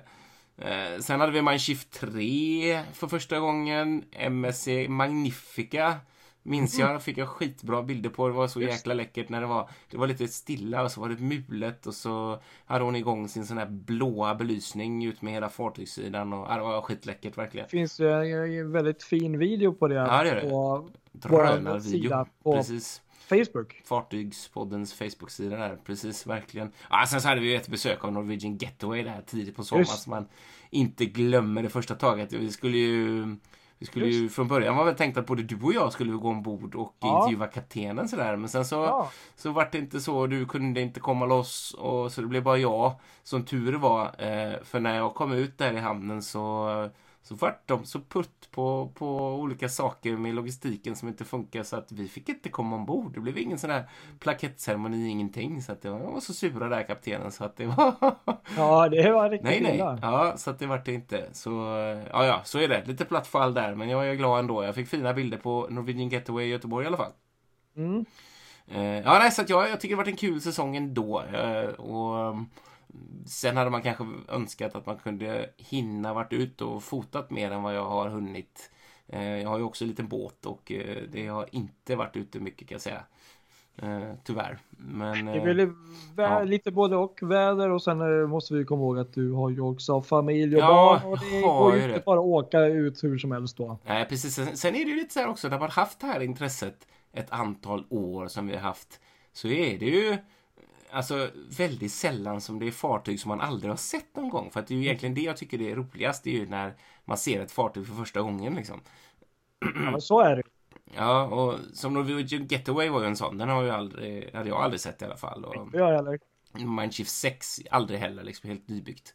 Mm. Men, eh, men sen, ja, sen så är det ju vissa det är alltid kul att ta nya bilder på fartyg som varit där många gånger från nya vinklar och sånt där. Jag vet, jag tog en del jättefina bilder på Aida Mar till exempel som jag sett många gånger men då var det så här, det var ganska sent nu, det var väl oktober tror jag som hon kom och gick sådär precis i solnedgångsljuset. Och jag stod högt upp på ett berg där jag aldrig brukar stå annars när fartygen går för att man får så mycket motljus.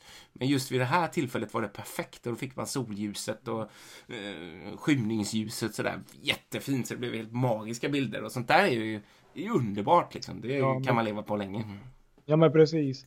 Ja, jag hade väl en lite eh, samma moment så med eh, Getaway där första gången jag såg henne nu i somras. Eh, då var det också eh, rikt, riktigt, kanske inte pangbilder sådär. Jo men det tycker jag nog ändå det blev en del. Men Ja. Var Snacka inte ner dina bilder nu. nej, men, nej, det var kanske inte riktigt. Jag, jag, hade, jag har alltid planer för vad jag vill fota men det blir Ja. aldrig så. Ja. Men, men det var ju riktigt. Det du lite bitter här.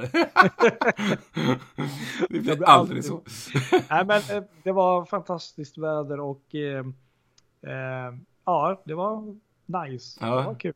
Ja, roligt. Ja, man har sina sådana highlights of the season, så är det För verkligen. mig, jag måste nog säga faktiskt, det måste jag tillägga, jag tror en av faktiskt eh, två av mina största wow moments eh, det här året var nog, ja, båda var ju faktiskt med, med dig när du var här. Du har ju faktiskt varit här ganska många gånger nu somras. Ja. Det var ju när vi fotade Europa 2 där, vilken morgon det var. ja, precis. Jag tänkte faktiskt på den. Ja. Alldeles gy- gy- alltså, så här, gyllenrosa, gul, orange morgon när solen gick upp där. Och Ja. det var faktiskt det var första gången jag fotade um, Europa 2. Och sen så tänker jag också faktiskt den här fantastiska morgonen när vi var ute och du hade din son med där och vi åt frukost. Ja, och gud, ja, inte glömma. Mediterranean där. Ja, det var ju gud. fantastiskt där. Och sen några timmar senare när du satt på um, tåget hem så föll regnet. Så att, Mm. helt Ja, sinnessjukt. det var sådana fina. Ja. Det där är det bästa. Liksom. Det är sånt man tar med sig liksom, när det nu är vinter och mörker. Och, och de där turerna är magiska verkligen. Så är det. Och det är inte alltid att det spelar så stor roll. Liksom. Man har sett båten 20 gånger eller sådär. Det får man den där och det är helt stilla och solen Mm. reser sig och det är varmt och skönt. Nej, det, det går ju inte att slå det. Så är det. Nej. Nej, det var riktigt fint. Så det, man har några goda minnen, Ja, absolut. det har man verkligen, verkligen. Jag tänkte vi skulle be en annan herre sammanfatta kryssningssäsongen också. Eh, Ja. En kille som kommer från ett företag eh, som heter eh, TR Shipping Sweden. Där han är VD. Han heter Peter Kjellin och han är agent. Okej. Det är ganska ja. häftig titel att vara agent. Ja, det var, Det skulle jag vilja ha på mitt visitkort. Agent. ja. Undrar om han är agent. beväpnad också. Nej, det tror jag inte i och för sig. men, Man vet eh, aldrig. Nej, man vet aldrig. Nej, men vi ringde upp honom i alla fall för att höra lite mer om hur han ser på säsongen. Och han har blivit, eh, han har specialiserat sig lite grann mot just kryssningsfartyg. Så han har ju ganska god koll på det här. Så att eh, vi ringer upp honom. Hallå Peter, välkommen till Fartygspodden. Ja, men hallå Kristoffer, tack så jättemycket. Så trevligt att ha en agent med oss. Ja, det, du har inte haft det tidigare? Nej, jag har aldrig haft en agent. Jag är lite osäker på om jag någonsin har pratat med en agent. Okej, men du, då måste säga, då har du, då har du, då har du missat kanske det viktigaste segmentet av hela sjöfarten. Ja, det måste vara så. va? Ja, det är Ja. fantastiskt kul. Jätteskoj. Ja, Jag måste börja fråga helt basic. Eh, vad gör en agent? allt. Allt. Precis allt du kan tänka dig. Ja. Eh, nej, det beror väl lite grann på vilket, vilket segment av sjöfarten man, man arbetar med. Men eh, kort sagt så kan man väl säga att vi fungerar som en spindel i nätet.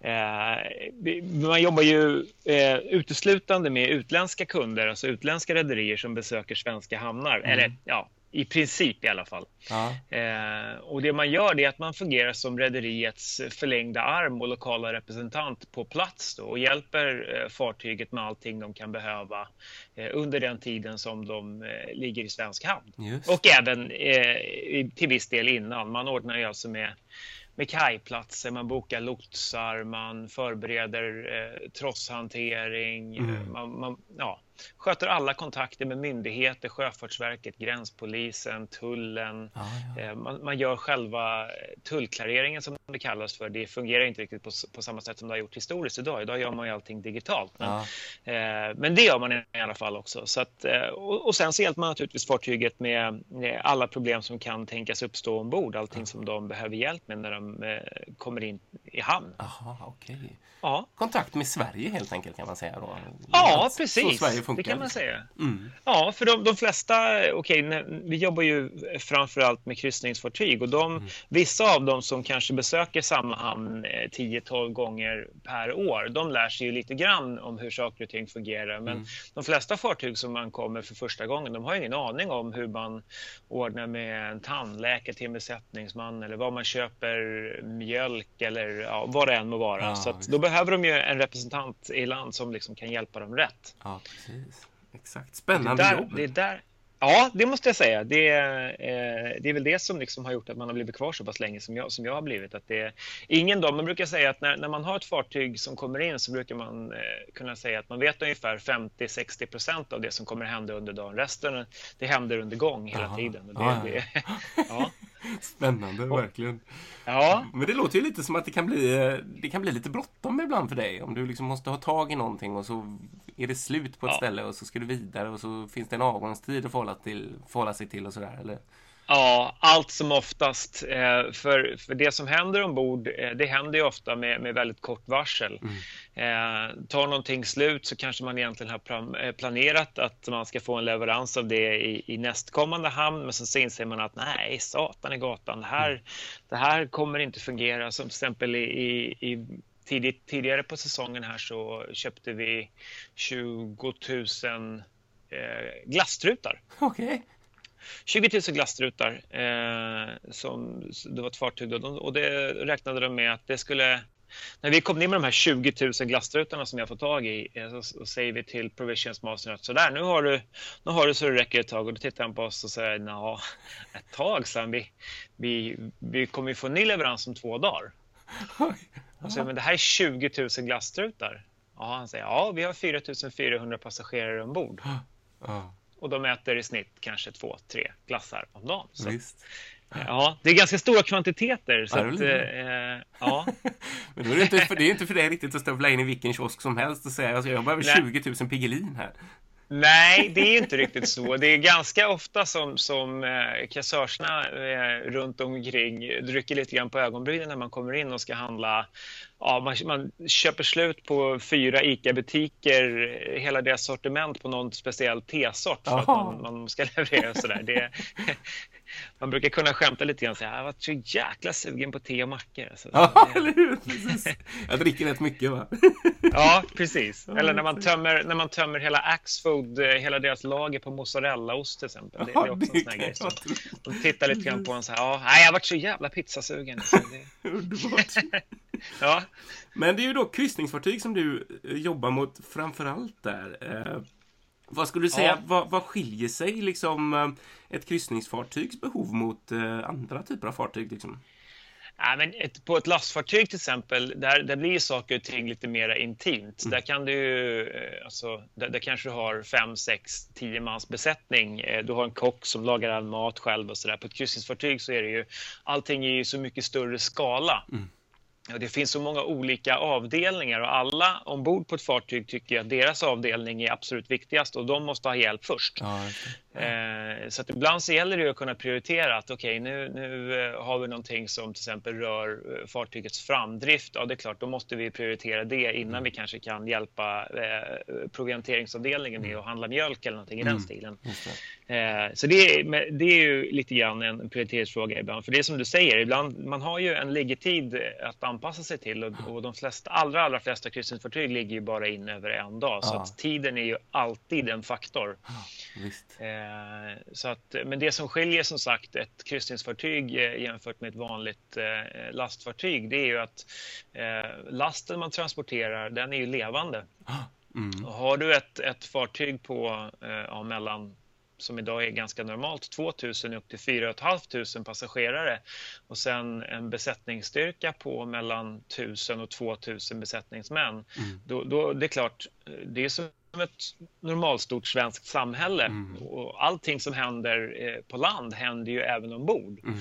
Eh, så att allting kan ju hända och allting händer dessutom. Så att, eh, det, det, är väl det som är den stora skillnaden. Ja, visst, precis. Exakt. Mm. Nu är vi ju framme i oktober här och kryssningssäsongen är ju slut i Sverige. Nu är det inga fler anlöp här.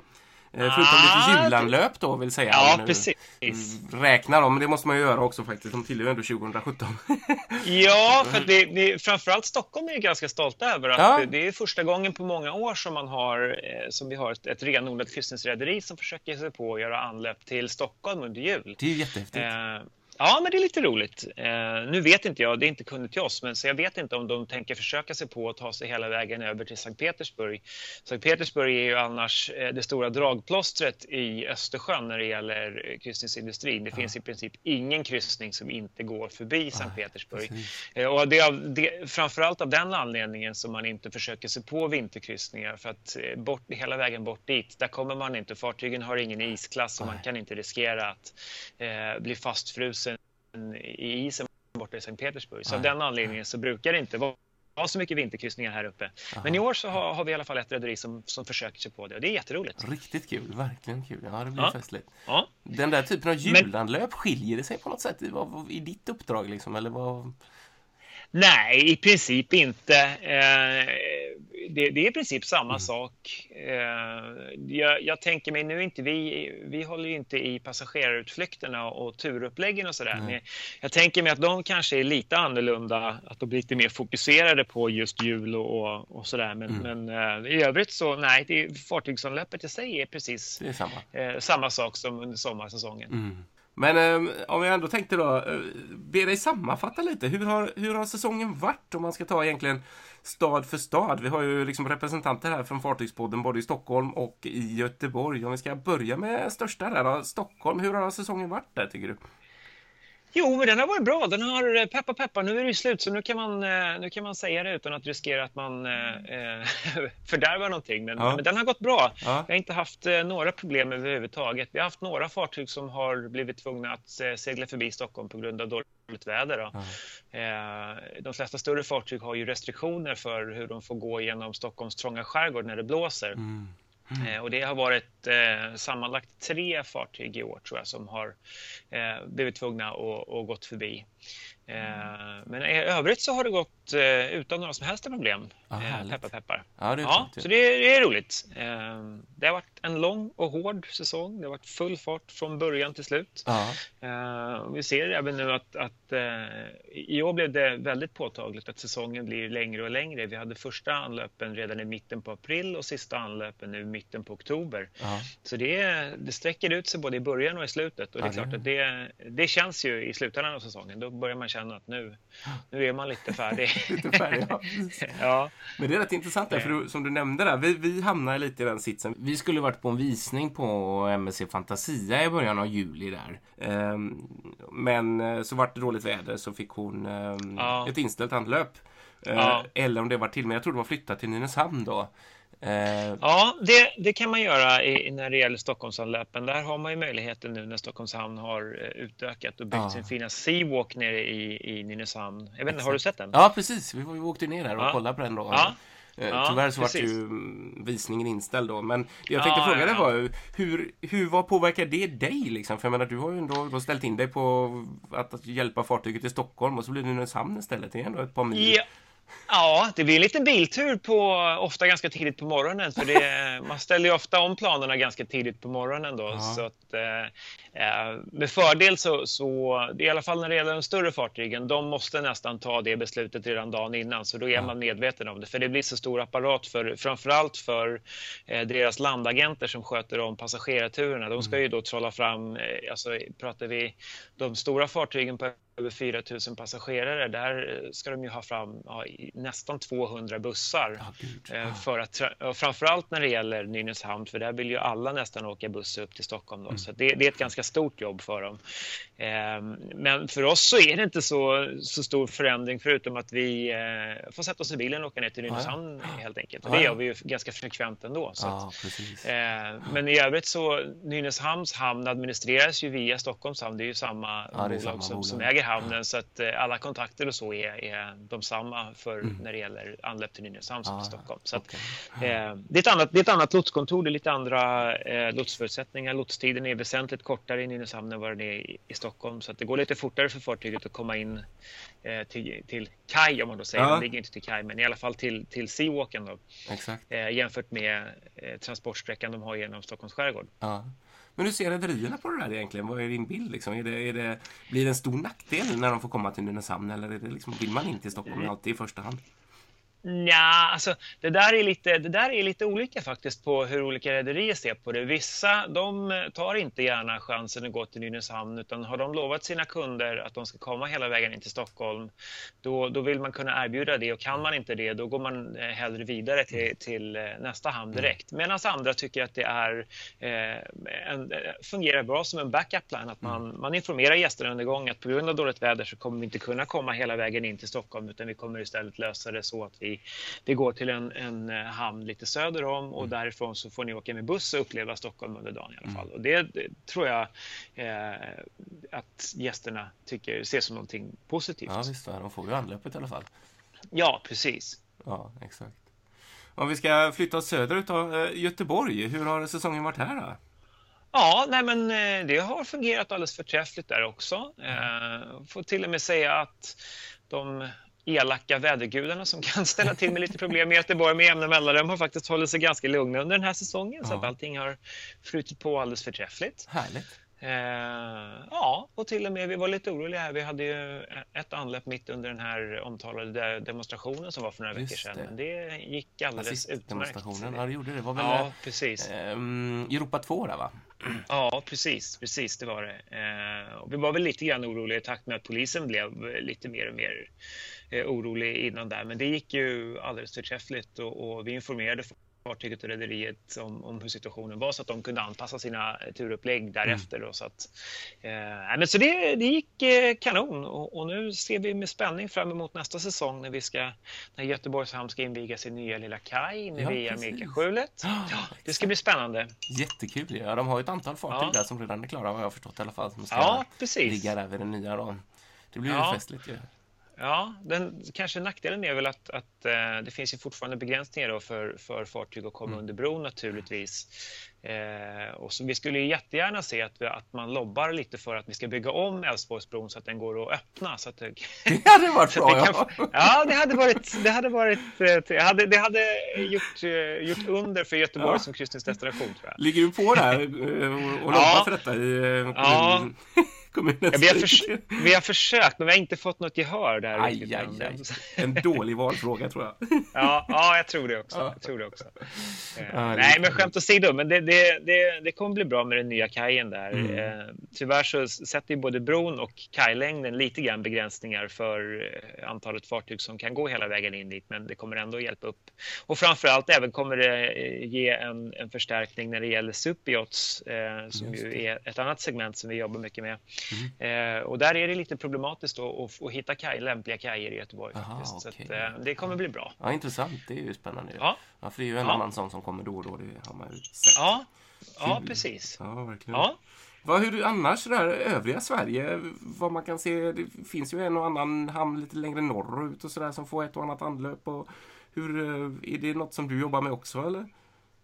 Ja, det gör vi i, i förekommande mån. Nu var det länge sedan vi hade någonting norrut faktiskt. Det är inte så många rederier längre som, som eh, går upp till norra Sverige och det beror helt enkelt på att eh, det är för lång eh, transitsträcka mm. upp till hamnarna i norr. Man har lite svårt att, att eh, hålla passagerarna sysselsatta ombord på den vägen upp. Mm. Eh, de fartyg som har varit uppe i Luleå och även i Piteå brukar har fått strålande revenue av passagerarna och mm. de har varit jättenöjda med de uppläggen som man kan erbjuda där uppe. Ja. Eh, så att vi hoppas på att, att ehm, det kommer att, att den trafiken kommer att öka igen i mm. framtiden. Mm. det går lite grann i konjunkturer det där. Ja.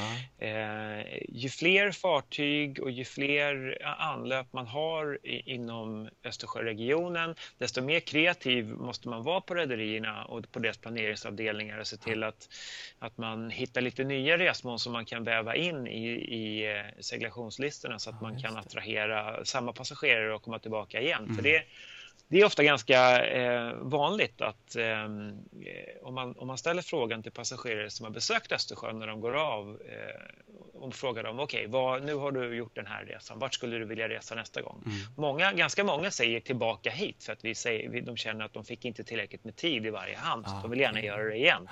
Eh, och då gäller det för rederierna att vara lite kreativa och, och, kanske kunna erbjuda en kryssning som har bytt ut några hamnar men att man fortfarande får de här highlightsen då, mm. där, så att man får en liten variation i alla fall. Ja, visst. Eh, men sen så har vi ju även vi har ju Visby ja. som är en väldigt populär destination som säkert kommer se ett ökat antal anlöp eh, även de när de inviger sin nya kaj nästa år. Ja, de kommer ju kunna ta emot eh, fartyg på över 300 meter eh, ah, till kaj. Det har de aldrig kunnat erbjuda tidigare. Tänder där, ja. Ja, precis. Mm. Eh, och det kommer ju säkert bli ett jätteuppsving för, för Visby hamn mm. och, Visby, och hela Gotland som destination. Mm. Man ska inte bara eh, tro att man åker till Gotland för att, för att besöka Visby, utan det är ju hela ön som man, som man besöker såklart. Ja, eh, sen har vi även Ja, vi har ju några destinationer till. Det är Kalmar, Karlskrona, Ystad. Ja. Eh, sen har vi titt som tätt eh, några anlöp även på västkusten. I, I, år hade vi ett fartyg som gick till Väderöarna. Aha, okay. eh, förra året hade vi även ett litet expeditionsfartyg i Grebbestad. Oj, häftigt. Eh, Lysekil har ett anlöp lite titt som tätt. Och ah, så så det, finns några små destinationer. Och, eh, även, jag tror att man, eh, om man blickar framåt ett par år i tiden så tror jag att eh, mindre destinationer eh, kommer att, att få en ökad, ett ökat antal anlöp eftersom att det är fortfarande lite oroligt runt omkring i världen. Mm. Det är väldigt få rederier som går till de östra delarna av Medelhavet mm. och, och, Svarta havet som var en, en stor destination där, där många rederier hade stora planer för ett par år sedan. Det är ju helt dött idag. Ja, det är ingen som vågar gå in i Svarta havet. Eh, och nu i takt med att en, annan, en annan destination som man har eh, satt stort på det har ju varit Asien.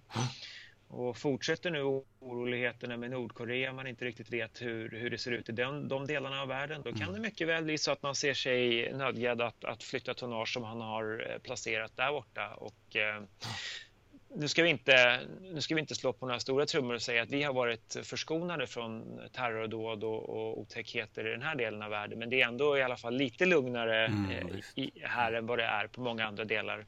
Eh, och eh, då finns det en möjlighet att man ser sig eh, alltså att man ser Östersjön som en bra, ett bra alternativ att, att utöka sin närvaro i. Ja, sant. Ja. Det är, ju, det är så verkligheten ser ut. Det är ju bara ja. den enes död, den andres bröd. lite samma lite, tema. Lite, lite så tyvärr. Mm. Um, Precis så. Ja. ja.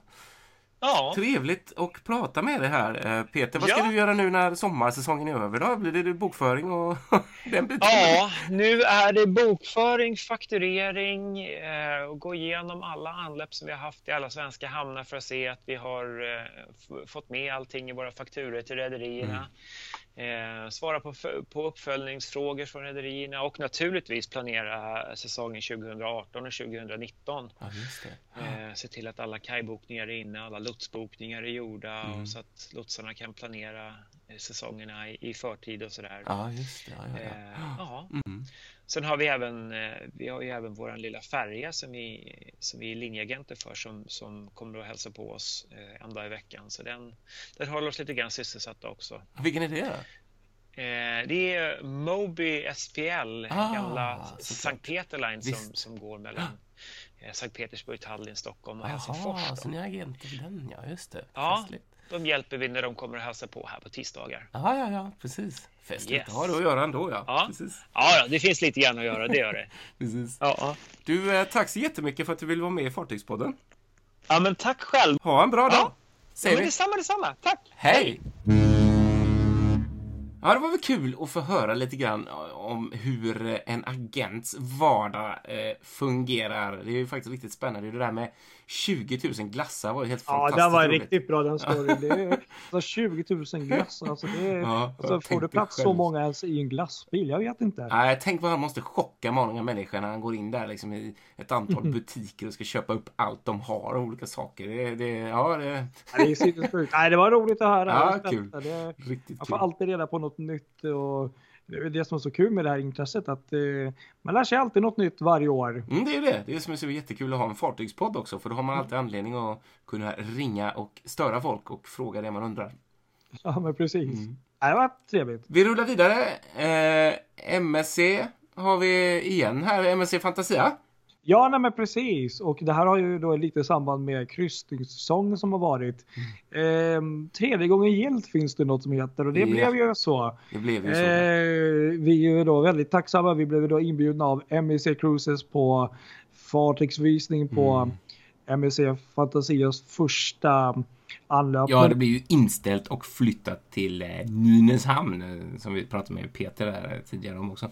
Ja, och, och, första gången så var det ju också så att vi var ju faktiskt på en helt annan ort mm. så att eh, så synd var det inte om oss. Nej, det var det men, inte. nej, men, men till slut så fick vi till det och eh, det som är väl lite speciellt här med då MSC Fantasia är ju då att eh, det var ju då första gången för detta fartyg att komma upp till Stockholm. Mm och eh, Norden allmänt sådär.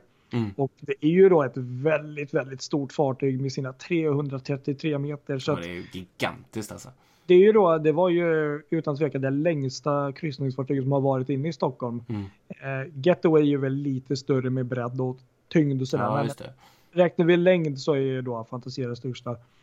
Och eh, hon har ju då tre systerfartyg och tillhör då Fantasia-klassen och var under många år MSCs eh, största kryssningsfartyg mm. ända tills i år då nybygget MSC Mariviglia kom. Just det, precis. Och nu snart så kommer ju då ytterligare nya fartyg. Ja, det är helt sjukt att förstå. Man kan inte fatta att de här inte är störst längre. För de Nej, är verkligen...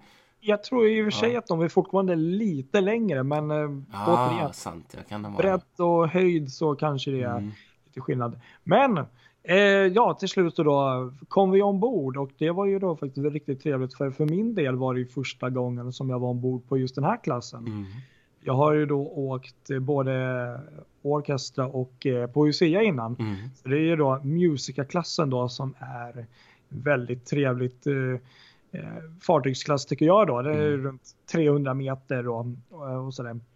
Eh, så det var intressant att få gå ombord på ett lite större fartyg från deras flotta. Mm. Ehm, och eh, ja, överlag, jag tycker väl att man, man känner ju igen sig, men eh, det jag gillade väldigt mycket med det här fartyget var ju då eh, designen, att eh, på något sätt, jag vet inte hur jag ska förklara, man har väl olika uppfattningar beroende på vem det är, men jag skulle nog beskriva det som man fick ändå en ganska sån här klassisk, vissa ställen så här klassisk, mysig, härlig stämning ombord blandat med modern, eh, väldigt eh, på vissa ställen nästan lite bling-bling nästan kan man mm, nästan säga. Okay, uh. Men, men överlag ett väldigt trevligt, eh, härligt inrett fartyg tycker jag. Och atriumet på de här fartygen är väl kanske en av de mest kända då, där de har de här Swarovski. Ja, det. Är nästan det som kristaller alltså överallt och det, det nästan, man blir nästan bländad av att det är det här eh, glittret. Men, det är, mm. men ändå inte på något jobbigt sätt. Eh, jag, jag tycker designen ombord fantastisk, utbudet likaså och eh, jättetrevlig fartygsvisning och eh, ja, alltså riktigt mm. bra fartyg ja, på, på så sätt. Jag, jag har tyvärr inte åkt med det så jag kan inte säga så mycket hur det är att resa med men jag tror att med den uppfattning jag fick var det att väldigt trevligt fartyg och eh, under sommaren som gick nu så fick jag ändå se fartyget ett antal gånger ute i skärgården. Mm. Eh, så att det var ju liksom som ett extra plus. Ah, okay. ja, I alla fall lite eh, experience där. Vi, ja. åkte med systerfartyget där, eh, MSC Splendida. Från Hamburg till, till gud var det? Ah, minns knappt Southampton. Jag har varit på, man har varit där så många gånger så jag kommer inte ihåg. Eh, nej, vad åkte vi? Ah, skitsamma. Det borde varit Southampton och tillbaks till Hamburg. Eh, en sån fyra nätters kryssning. Eh, och mm, Visserligen så reste jag med familj och barn så att det blev inte sådär. Vi åt inte i... Vi gjorde ett tappert försök att äta med vår lilla dåvarande eh, Rasmus. Eh, två år, nu har jag blivit två år äldre här, men eh, i huvudrestaurangen och det gick sådär. Det slutade med att jag fick sitta där själv och min fru fick gå iväg med honom för att han började storgråta. Men, eh, men ja, så att det var väl kanske inte jag fick kasta i mig den här maten så jag fick inte riktigt eh, uppleva huvudrestaurangen och de delarna av fartyget som egentligen är mer för eh, icke-familje... Ja, inte, inte för småbarn helt enkelt. Men eh, alltså själva fartyget är ju, de är ju fantastiska liksom att knata runt på, det minns jag verkligen. Det som jag kan störa mig lite på är väl bara om man jämför den här klassen med till exempel Årkestra som vi har mm. åkt med. Och mm. Där man kommer fram i fören och man kan stå på de här däcken sådär fantastiskt om man går igenom hyttkorridorerna. Eh, på, på, på de här går inte det för att längst fram så har de sån här eh, yachtklubb och det är liksom, du måste betala dig, måste betala liksom för att komma in där och ha en högre, någon svitklass måste du bo i för att kunna komma där längst fram förut. Och det är lite B känner jag. Det är lite det känns inte riktigt bra tycker jag. Alltså att när det blir så uppenbart. För jag mm. menar, jag köper det. Så är det på de flesta fartyg att det finns vissa delar som är eh, som du får tillgång till när du har valt en viss svitkategori och lite sånt där. Men det, det är ju skönt om det också är så att det är en del av ett fartyg, eller det, en, att de då ligger på en del av fartyget som man inte riktigt märker att man saknar. Men just när det är längst fram och att man, att man aldrig som passagerare överhuvudtaget kommer längst fram, mm. då blir det så uppenbart. I alla fall för mig som tycker att det är en väldigt viktig del att kunna komma längst fram. Ja men det är ju liksom vy rakt alltså, ja, framåt i färdriktningen. Precis. Så det, det vill man ju. En liten eh, kul information för nästa år så kommer ju inte eh, MSC Fantasia upp utan då kommer ju då... Kommer ju Splendid? Nej, då kommer faktiskt Nej! MSC... Nu kommer jag ju säga det här helt fel. Preciosa. Ja, alltså, just hur det. Hur säger man det här? MSC... Preciosa. Ja, mm. och det är ju då nyaste fartyget i den Precis, klassen. Precis, vad kul. Den har jag så... aldrig sett så det är roligt. Nej, inte jag heller. Ja. Utan, eh, Big det moment. Ja, det blir kul. Ja. Mm. Så att, eh, bra jobbat. Ja. Att, eh, kul. Kul, kul. Ja, sen har vi en annan nyhet som vi dök på här idag som gäller eh, en tv-kändis, eller hur? Ja, precis. Det var väldigt oväntat faktiskt. Mm, det måste man verkligen säga. Ja. Eh, gamla Freja från tv-serien Rederiet. Mm. Hon eh, som var känd som eh, eh inte Birka Paradise utan eh, Birka Princess. Princess ja, precis. Ja. Hon eh, hamnade ju i Grekland på havets botten. Precis. Utanför Santorini. Sedermera. Eh, ja. Som Sea Diamond 2. Ett Eh, det var en olycka där för tio år sedan där de... Eh, ja, vad var egentligen orsaken där?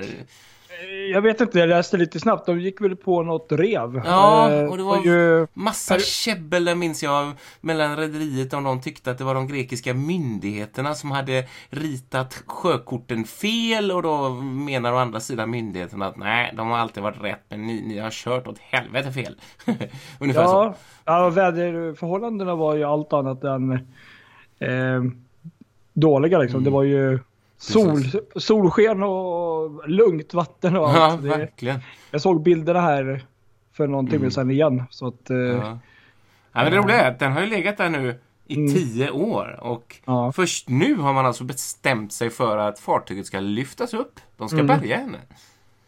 Ja, det är otroligt. Alltså det, eh, det är väldigt spännande på ett sätt. Eh, men mm. som du säger, jag, jag, läste själv här lite snabbt att man gör det på grund av miljöskäl. Mm. Men komma på det tio år senare. Nej, det har varit det... en lång debatt om okay. det där vet jag. Ja. Eh, de har ju varit rädda för att det ska sippra ut massa olja och massa miljöfarliga mm. grejer från vak och sånt där. Men så har mm. de ju sagt hela tiden att nej, det är stora risker med att lyfta upp det också. Det kan också påverka miljön. Och det har varit en lång debatt och långa domstolsprocesser och sånt där. Men nu har man då kommit fram till att det är, vi ska lyfta upp fartyget. För det är kan, bättre ur ett långt perspektiv.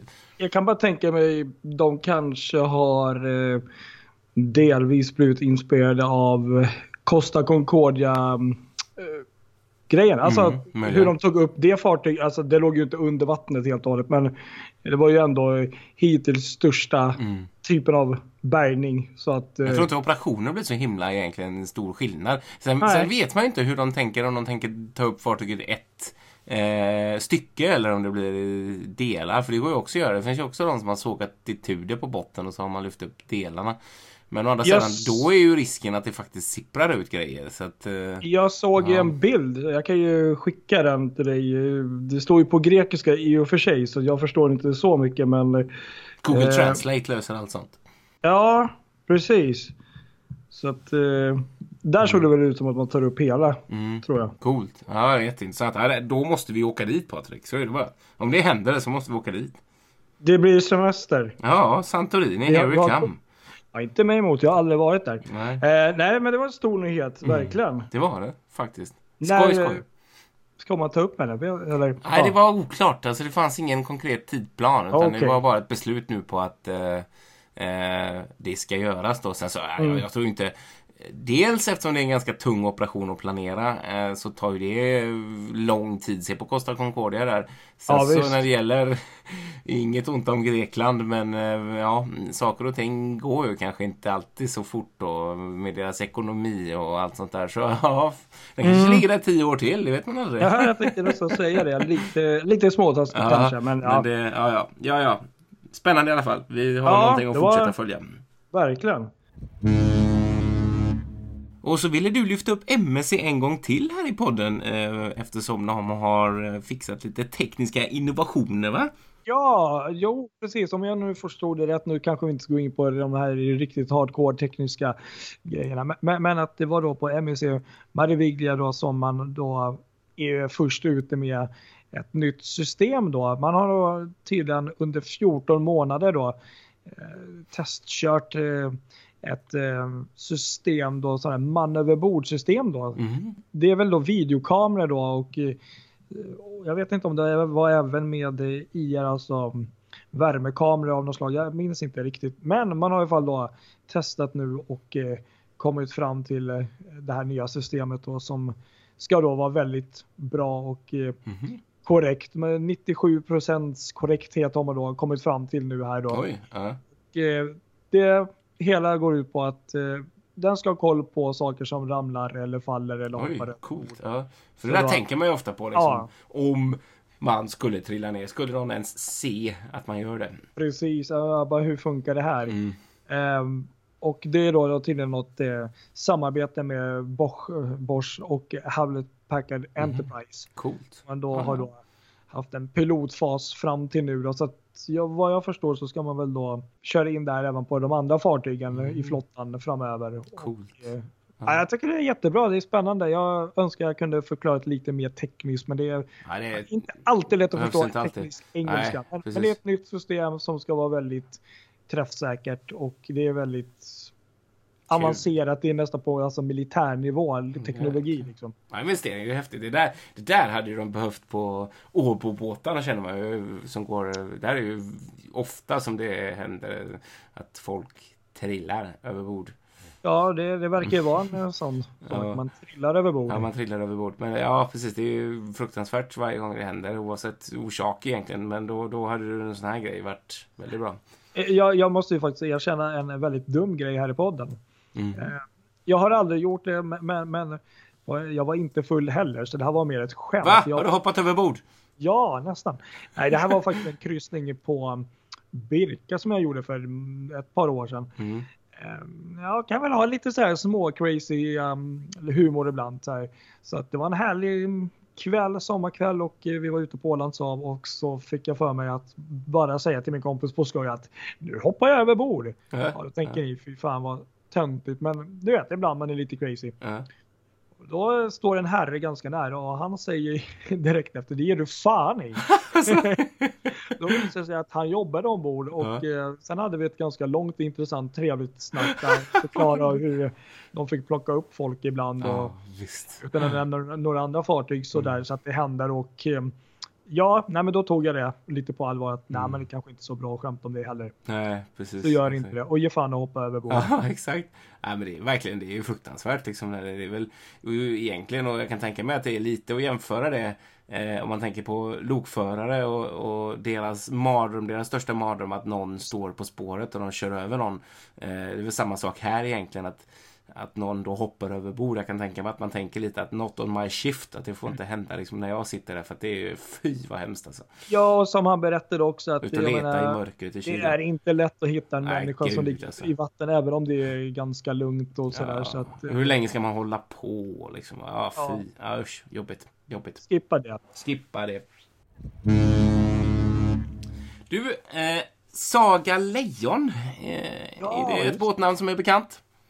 Jag har faktiskt sett henne i Norrköping. I, så i Norrköping alltså? Aha, spännande, spännande. Det är ju rätt intressant. Det är ju, för alla som har varit i Stockholm är väl det en båt som, om man nu är lite maritimt bevandrad, en båt som man brukar se där, eller har brukat kunna se i Stockholm. Men nu, eh, not anymore. nu är den såld till Afrika. Okej. närmare beställt till Togo. Och eh, är just nu på väg bort från Europa. Eh, kursen är satt mot eh, Gibraltar. Men det kan man ju säga att vägen dit har inte börjat helt lätt för detta fartyg. det kom inte så långt. Alltså, de, kom, de kom iväg till Karlskrona. Och hamnade där och blev liggande väldigt länge i Karlskrona på grund av att kustbevakningen, eller det var någon inspektion av något slag. Nu kan jag inte alla detaljerna här heller, men det var någon inspektion som gjordes ombord eh, så att kustbevakningen beordrade fartyget eh, att ligga kvar. De fick helt, Jaha. en, enkelt, helt enkelt nyttjandeförbud för att alla certifikat inte var okej. De fick inte korsa Eh, de fick inte korsa över någon, något större hav där på grund av att de hade liksom bara certifikat för att gå inomskärs. Eh, och då, det var liksom inte i ordning riktigt eh, för den här resan så att de blev liggande. Men vad händer plötsligt? Plötsligt så smiter det här fartyget från Karlskrona trots att man då har fått nyttjandeförbud. Så då försöker de då liksom bara, de försöker sticka liksom. Men gick det? Nej, nej, nej. Kustbevakningen har ju stenkoll så att de eh, pep ju efter där och eh, bordade, beordrade fartyget att gå in till Ystad. Eh, lite längre söderut då. Ja. Så, så där fick fartyget då gå in istället och de fick fixa ordning de här certifikaten vilket jag inte tror var någon större grej egentligen. Alltså det är väl kanske lite papper och kostar lite kanske och man får se till att ha ordning på sakerna innan man kan sticka iväg på en sån här resa. Men ganska, ganska sjuk grej ändå måste jag säga. Jag bara funderar på, får man inte någon typ av, alltså det måste vara straffbart att Ja, flytta. alltså, verkligen. Ja, ja, de borde ju få någon form av bot på det här. Jag vet inte hur det funkar, Ja. men det, ja. Jag sitter här och tittar på en bild där. Ja, men som jag sa, jag har sett den två gånger när jag varit i Norrköping. Det är ganska fint fartyg annars. Det är lite så här trevligt. Ja, det är det. det. är Gammalt, jag på att säga. Byggdes som MS Malmö 1969 eh, på ett varv i Tyskland eh, och eh, sattes i trafik mellan Malmö och Köpenhamn och gick där ett antal år innan hon hamnade i Tyskland på 70-talet där eh, och gick i trafik mellan Flensburg och Glücksburg. Okej. Eh, vet du precis vart det ligger antar jag? Nej, men det är rätt bra. Ja, exakt. Nej, där och så gick det lite trafik i Tyskland, i tysk inrikestrafik innan det hamnade i eh, Stockholm i början av 2000-talet och gick eh, ofta Stockholm, Nyköping, Västervik och, och olika typer av sådana här skärgårdskryssningar. Helt Ja, för här ser jag Norrköping, Arkösund. Mm. Verkar hon Just det, precis, exakt, exakt. Och en resa på tre och en halv timme. Mm, exakt. Så det, ja, de har ju sett henne ett par gånger där. Ja. Så, ja, men, nej, men som sagt, nu blir det väg till Afrika och Togo eh, för okänt, eh, för mig okänt, eh, okänd framtid. Men det, det får vi försöka se om vi kan eh, följa upp på någon vänster vad som händer. Ju spännande att se hur, eh, hur, hur resan ner dit går. Ja, om hon överhuvudtaget kommer dit med tanke på hur det har börjat. Ja, precis. ja, ja. Ja, ja. ja, det är det som är intressant med sådana här öden, det får man väl säga. Du, vi ska tillbaks till Tyskland, eller hur? Ja. Ja, Ja, det kan man säga. Nu är det nämligen eh, tyska kryssningsrederiet Hapag Lloyd Cruises. ja. Som eh, just nu ganska nyligen hade körläggning för sitt andra nya fartyg som är på gång. Jaha du. Och det fartyget heter då Hanseatic Inspiration Okej. och kommer bli då systern till Hanseatic Nature. Jaha. Och vad jag förstår så tror jag nog båda fartygen kommer levereras 2019 där, eller 2020. Och det här, de här två fartygen är då ett li, lite mindre fartyg. Det är sådana expeditionsfartyg då som börjar bli populärt nu. Just det. Eh, som då byggs och har och väldigt hög isklass för att kunna gå i sådana vatten. Och eh, de här fartygen kommer då att ha 230 passagerare. Mhm, mhm. Det är systerfartyg, men det finns faktiskt en stor skillnad på de här två fartygen. Mhm. Hanseatic Inspiration kommer att bli ett internationellt fartyg Mhm, Okej. för en engelsk marknad. Medans eh, Hanseatic Nature är då för den tyska marknaden. Så det är lite kul. Jaha, att vad fräckt ändå- att de breddar sig så. Ja, Ah, okej. precis. Ja, ja. Och nu är det både fram och alltså, full fart för även de som inte kanske pratar tyska. Då. Roligt. Ja, ja, det är ju nyttigt ju. Det är bra. En annan kul grej som jag ändå tycker var intressant med de här lite mindre expeditionsfartygen är att de har tydligen en um, ihopfällbar, tänkte jag säga, nästan en rörlig eh, kommandobrygga så att de kan Aha. faktiskt fälla in de här kommandobryggsvingarna Wow, okej. vid, vid sådana här smala passager då. Jag vet Fräckt. inte om det är genom berg eller om de åker så här. Eller via slussar kanske? Ja, eller något. Ja, jag tyckte det lät väldigt spännande. ja fräckt. Men det här rederiet eh, Hapag Lloyd, de har ju väldigt, väldigt vackra fartyg. Måste Mm, det har de verkligen. Ja, Europa och Europa 2 Ja, är skönheten. verkligen. Lite större där. eh, Men... Mm. Om ni aldrig har sett dem, gå in och kolla på internet. Det är fantastiska Gå in på internet, ja. Det tycker jag är bra tips. Gå in på internet. ja, exakt. Nej men så är det, så att eh, de är på G. Härligt. Kul. Du, eh, vi har pratat mycket om passagerarfartyg här idag och Mm. eh, ett lite udda passagerarfartyg tänkte jag ta upp. Eh, MS Astoria från Göteborg.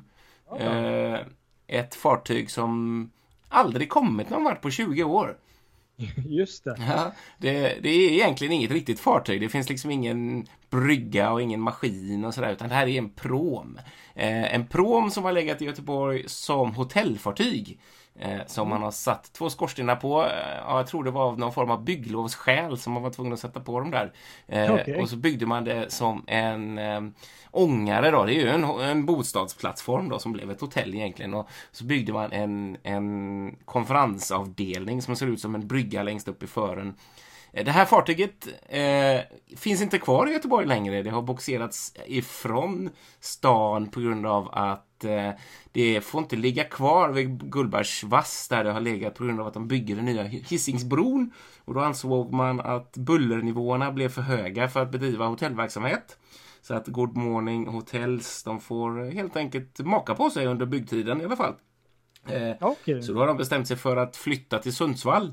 Och det är väl lite oklart egentligen om det är permanent eller om det blir så att Astoria kommer tillbaks. Men det är ju lite roddigt att flytta en sån där grej. Så jag kan nog tänka mig att det ändå är så att vi har sett Astoria för sista gången i Göteborg. Det får vi väl se. Eh, men det var, jag såg i alla fall när hon, eh, hon ja, boxerades iväg här eh, Mm. för några Ja, dagar sedan eh, från Göteborg. Hon har legat eh, i dockan på Gotenius varv eh, ett par veckor och fått eh, en grundlig genomgång inför sitt nya, nya liv uppe i norr. Eller ja, nu får jag skäll av alla som bor i Sundsvall och kallar det norr för det är egentligen precis i mitten av Sverige. Men ja, ja, sak samma. Eh, Astoria i alla fall försvinner från Göteborg. Och, och jag tänkte så här, Göte, alltså Gotenius varv. Eh, många, många tror ju att varvstaden Göteborg dog eh, när Cityvarvet la ner och det blev hela den här grejen med att Ingvar Oldsberg köpte kranarna och sånt där. Eh, mm. Att liksom varvstaden Göteborg försvann, att det liksom bara är historia. Men så är det inte. Det finns fortfarande ett varv, ett livslevande varv i vår underbara stad. Och eh, jag har faktiskt gjort ett besök där och träffat eh, ägaren och eh, ägaren till detta familjeföretag, Mats Gotenius, som har tagit över från sin far som startade för länge sedan.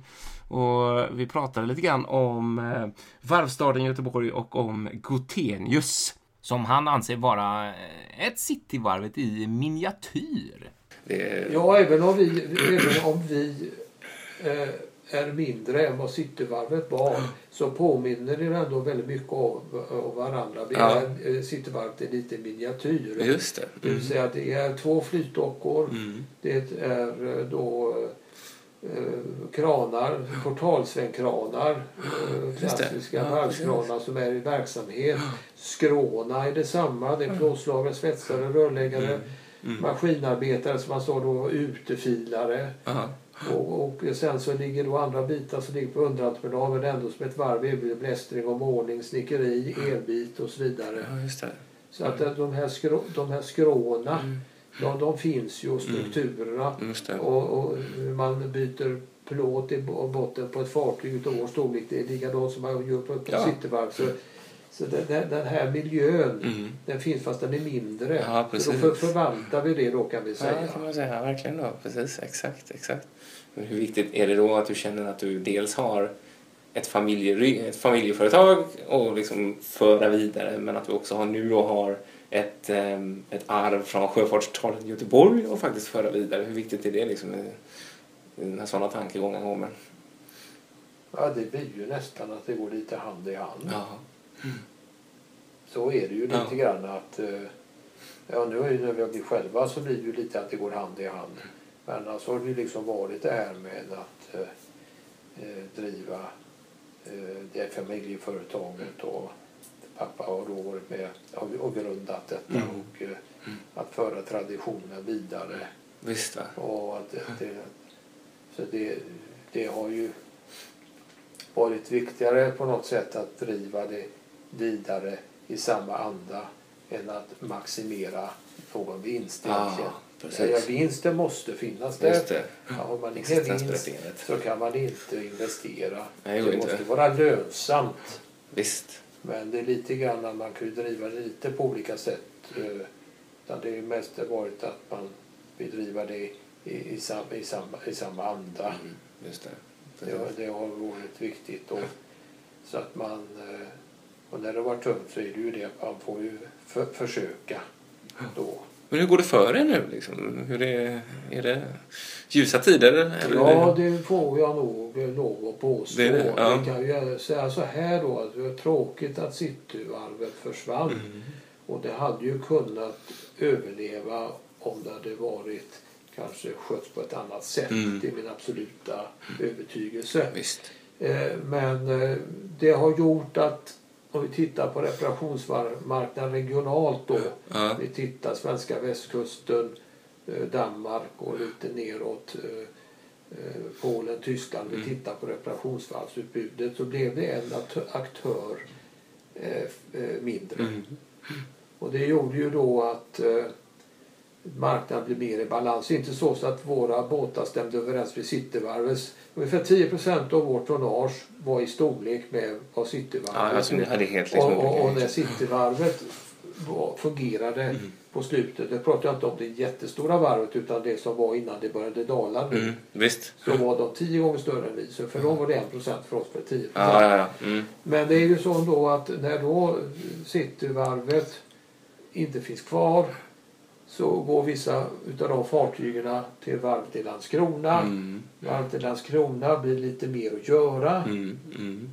Och då skvätter det över lite mera kanske till varvet i Falkenberg. Mm. Och varvet i Falkenberg eh, får bli också lite eh, mera, mera att göra. Mm. Och då kanske det kommer över att båtar som kanske tänkte Falkenberg kommer till oss. Ja, Och därför blir Jag det, förstår ja, det blir en sån effekt det, det blir balans, Mm. balans då. Visst, jag förstår. Och vi hade också eh, jobbiga år 2011, 2012 Ja. och eh, backande. Ja. Eh, men när det sen då väl vände så, så var, vi, var vi med i leken igen. Ja, okej. Men eh, då hade det också då på grund utav hur det kanske sköttes och hur kunderna upplevde det Mm. att Cityvarvet inte var ett förstahandsval så det, de hade då svårt att, att komma tillbaka Ja, igen. ja, ja, okej. Precis. Så att, eh, och sen dess så har det faktiskt eh, 2013 så vände det Ja. eh, lite lite plus och sen så har det gått eh, bra både 14, 15, 16 och 17 också. kul. Mycket bra. Ja, jättekul. Verkligen kul. ju. Vad, men just, finns det, har den haft någon tanke någon gång på, det kanske inte ens är praktiskt möjligt, men att ha en större docka liksom, och kunna få lite, ta in större fartyg så? Ja, det, där vi befinner oss, där är det be- begränsningar. Mm. Och flytta ett varv, det kostar Ja, det massa klart, det pengar gör- att inte göra. Men det som, det som eh, kan, man kan göra det är att man skaffar sig en docka som är lite bredare. Mm. För fartygen börjar en tendens att bli bredare i förhållande till sin längd. Ja. Något marginellt större på längden och lite bredare. Så att det då kunde ta lite Ja. till det. Men då så ska förstås den, de fartygen man kan ta mer av, de ska betala investeringar. Ja, såklart ju. Och nu är ju en sådan investering inte möjlig för att så länge som Hisingsbron byggs Precis. och det är begränsningar Mm. hur man passerar den Ja, mm. så kan man inte ta hit någon ja, docka. Så, Sen när den nya Hisingsbron är igång ja, så blir ju den öppningsbara delen bredare än idag. just det, det blir det ja, Ja, så då, då kan man säga att då är det möjligt att ta hit Mm. en docka som är bredare. Ja, precis. Mm, ser man. Ja, för det var ju be- begränsningen. Ja, just det. Begränsningen, i si- sidospannet i den gamla Göta älvbron Ja. är 27 meter. Ja, ja. Och det är ju absolut den maximala begränsningen för dockans bredd. Ja, precis. Ja, exakt. Det, Ja, och det är sen då för höjden där, då får man kanske passera med sänkläge Mm. för att komma under bredden. Mm. Nu får vi ju då 30 meter med lyftbrons Ja, höjd. Ja, kul att höra att eh, vi har ett varv som lever i, som verkar leva väldigt bra och må väldigt bra i Göteborg. Ja, faktiskt. Mm. Det är inte många varv vi har kvar känns det som. Nej, det är inte så. Och det är kul att, eh, att de finns kvar. Hoppas att fler kan eh, inse bara att sjöfartsstörden, eller ja, varvstaden Göteborg inte är död, utan det finns faktiskt verksamhet kvar. Det var väl inte världens bästa ljud i den här intervjun som vi gjorde där med Mats Gotenius. Men det, berodde, det beror helt enkelt på att den är gjord bara med en vanlig mobiltelefon. För att det var egentligen inte tänkt för poddens räkning utan det var en intervju som jag gjorde för eh, en artikel i tidningen ETC Göteborg. Eh, vi ska lägga en länk till den på vår Facebook-sida också så kan ni gå in och läsa lite mer om Gotenius och eh, sjöfartsstaden i Göteborg och eh, arvet från varven. Ja, det här var väl egentligen det hela vi hade denna gången att erbjuda Ja. i Fartygspodden. Det blev ett mycket långt eh, eh, tio, tio års... Nej! Eller? Tio, Tio, ja, års... Nej, tio ju... Nej, tio, Tio. avsnittsjubileumsavsnitt. Precis, det är svårt det där. Svårt. Precis. Nej, det är kul i alla fall. Mycket. Ja. Det känns som att vi har fått till en, ett brett avsnitt här. Eller vad säger Ja, du? men det var lite smått och gott och Mm. som vi alltid brukar säga att eh, hör av er, skriv, eh, kom med idéer om ni har någonting eller eh, Mhm. skicka bilder. Vi uppskattar alltid Ja, sånt. det gör vi verkligen. Hör av er. Och särskilt tycker jag, vi efterlyser jättegärna er som jobbar ute till sjöss. Liksom, och vi vill gärna prata med, med folk och intervjua folk och sådär. Så hör av er om ni känner att det skulle vara kul att vara med i podden. Eh, Absolut. vi har några där som har hört av sig som, som eh, bjudit in oss på lite studiobesök och sådär. Det, det, det, så att man vet aldrig vad som kommer här framöver i podden. Nej, och, och vi vill passa på att tacka alla som lyssnar också och som följer Ja. oss. Det uppskattar vi Ja, man verkligen. lyckas komma hela vägen nu till, till så här långt in i avsnittet Ja. så, så då är man dedikerad. Ja. Och, och då tycker jag liksom att eh, där vi började då att Mm. det, det är ju dags för ett eh, väldigt eh, härligt avslut här. Ja. Vi ska ju faktiskt få höra en låt. Vår Eller- låt, exakt. Vi Vår ska spela låt. musik här nu. Exakt, precis. Har vi Ja. något namn på den här egentligen? Jag vet inte. Vad är historien med den här låten egentligen? Historien bakom den här låten var väl, ja vi kan väl kanske berätta det. Ja, Ja. det är faktiskt eh, det är faktiskt eh, vi som har gjort det själv.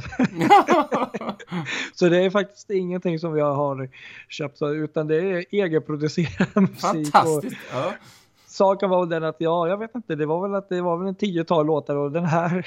ja, du satt länge där vet jag. Eh, precis i poddens begynnelse skulle vi Ja. ha någon form av intro och då fick jag en fil med så här 20 olika varianter på olika Jag ska vara musik. helt ärlig, så här var det.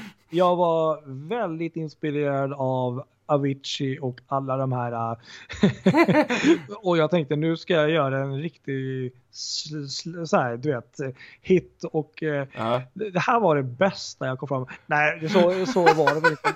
Men, men det här, det, fanns många andra då, men, men du tyckte väl att det här var väl så här riktigt nördigt roligt Ja, det var sak. väl precis så. Det var jag Ja. föll för den här och var lite Mm. envåldshärskare där och tog Ja. den här. Jag gjorde ingen. Eh, för, för det kändes ändå som att den var lite Ja, vi är ju jävligt nördiga liksom. Och det kändes ändå som att den här, ja, den var Ja. nördig liksom. Det var lite, så Den här, lite nördig. tv-spel. Så här. Ja, och då, Ja. då är det ju så himla roligt när vissa älskar det här då. Så att den, den här, det här är för dig Alfonso. Ja, Tack, kul att du den. uppskattar den. Nu kommer den här. Ha det bra allihopa! Ha det bra allihopa. Hej! Psst,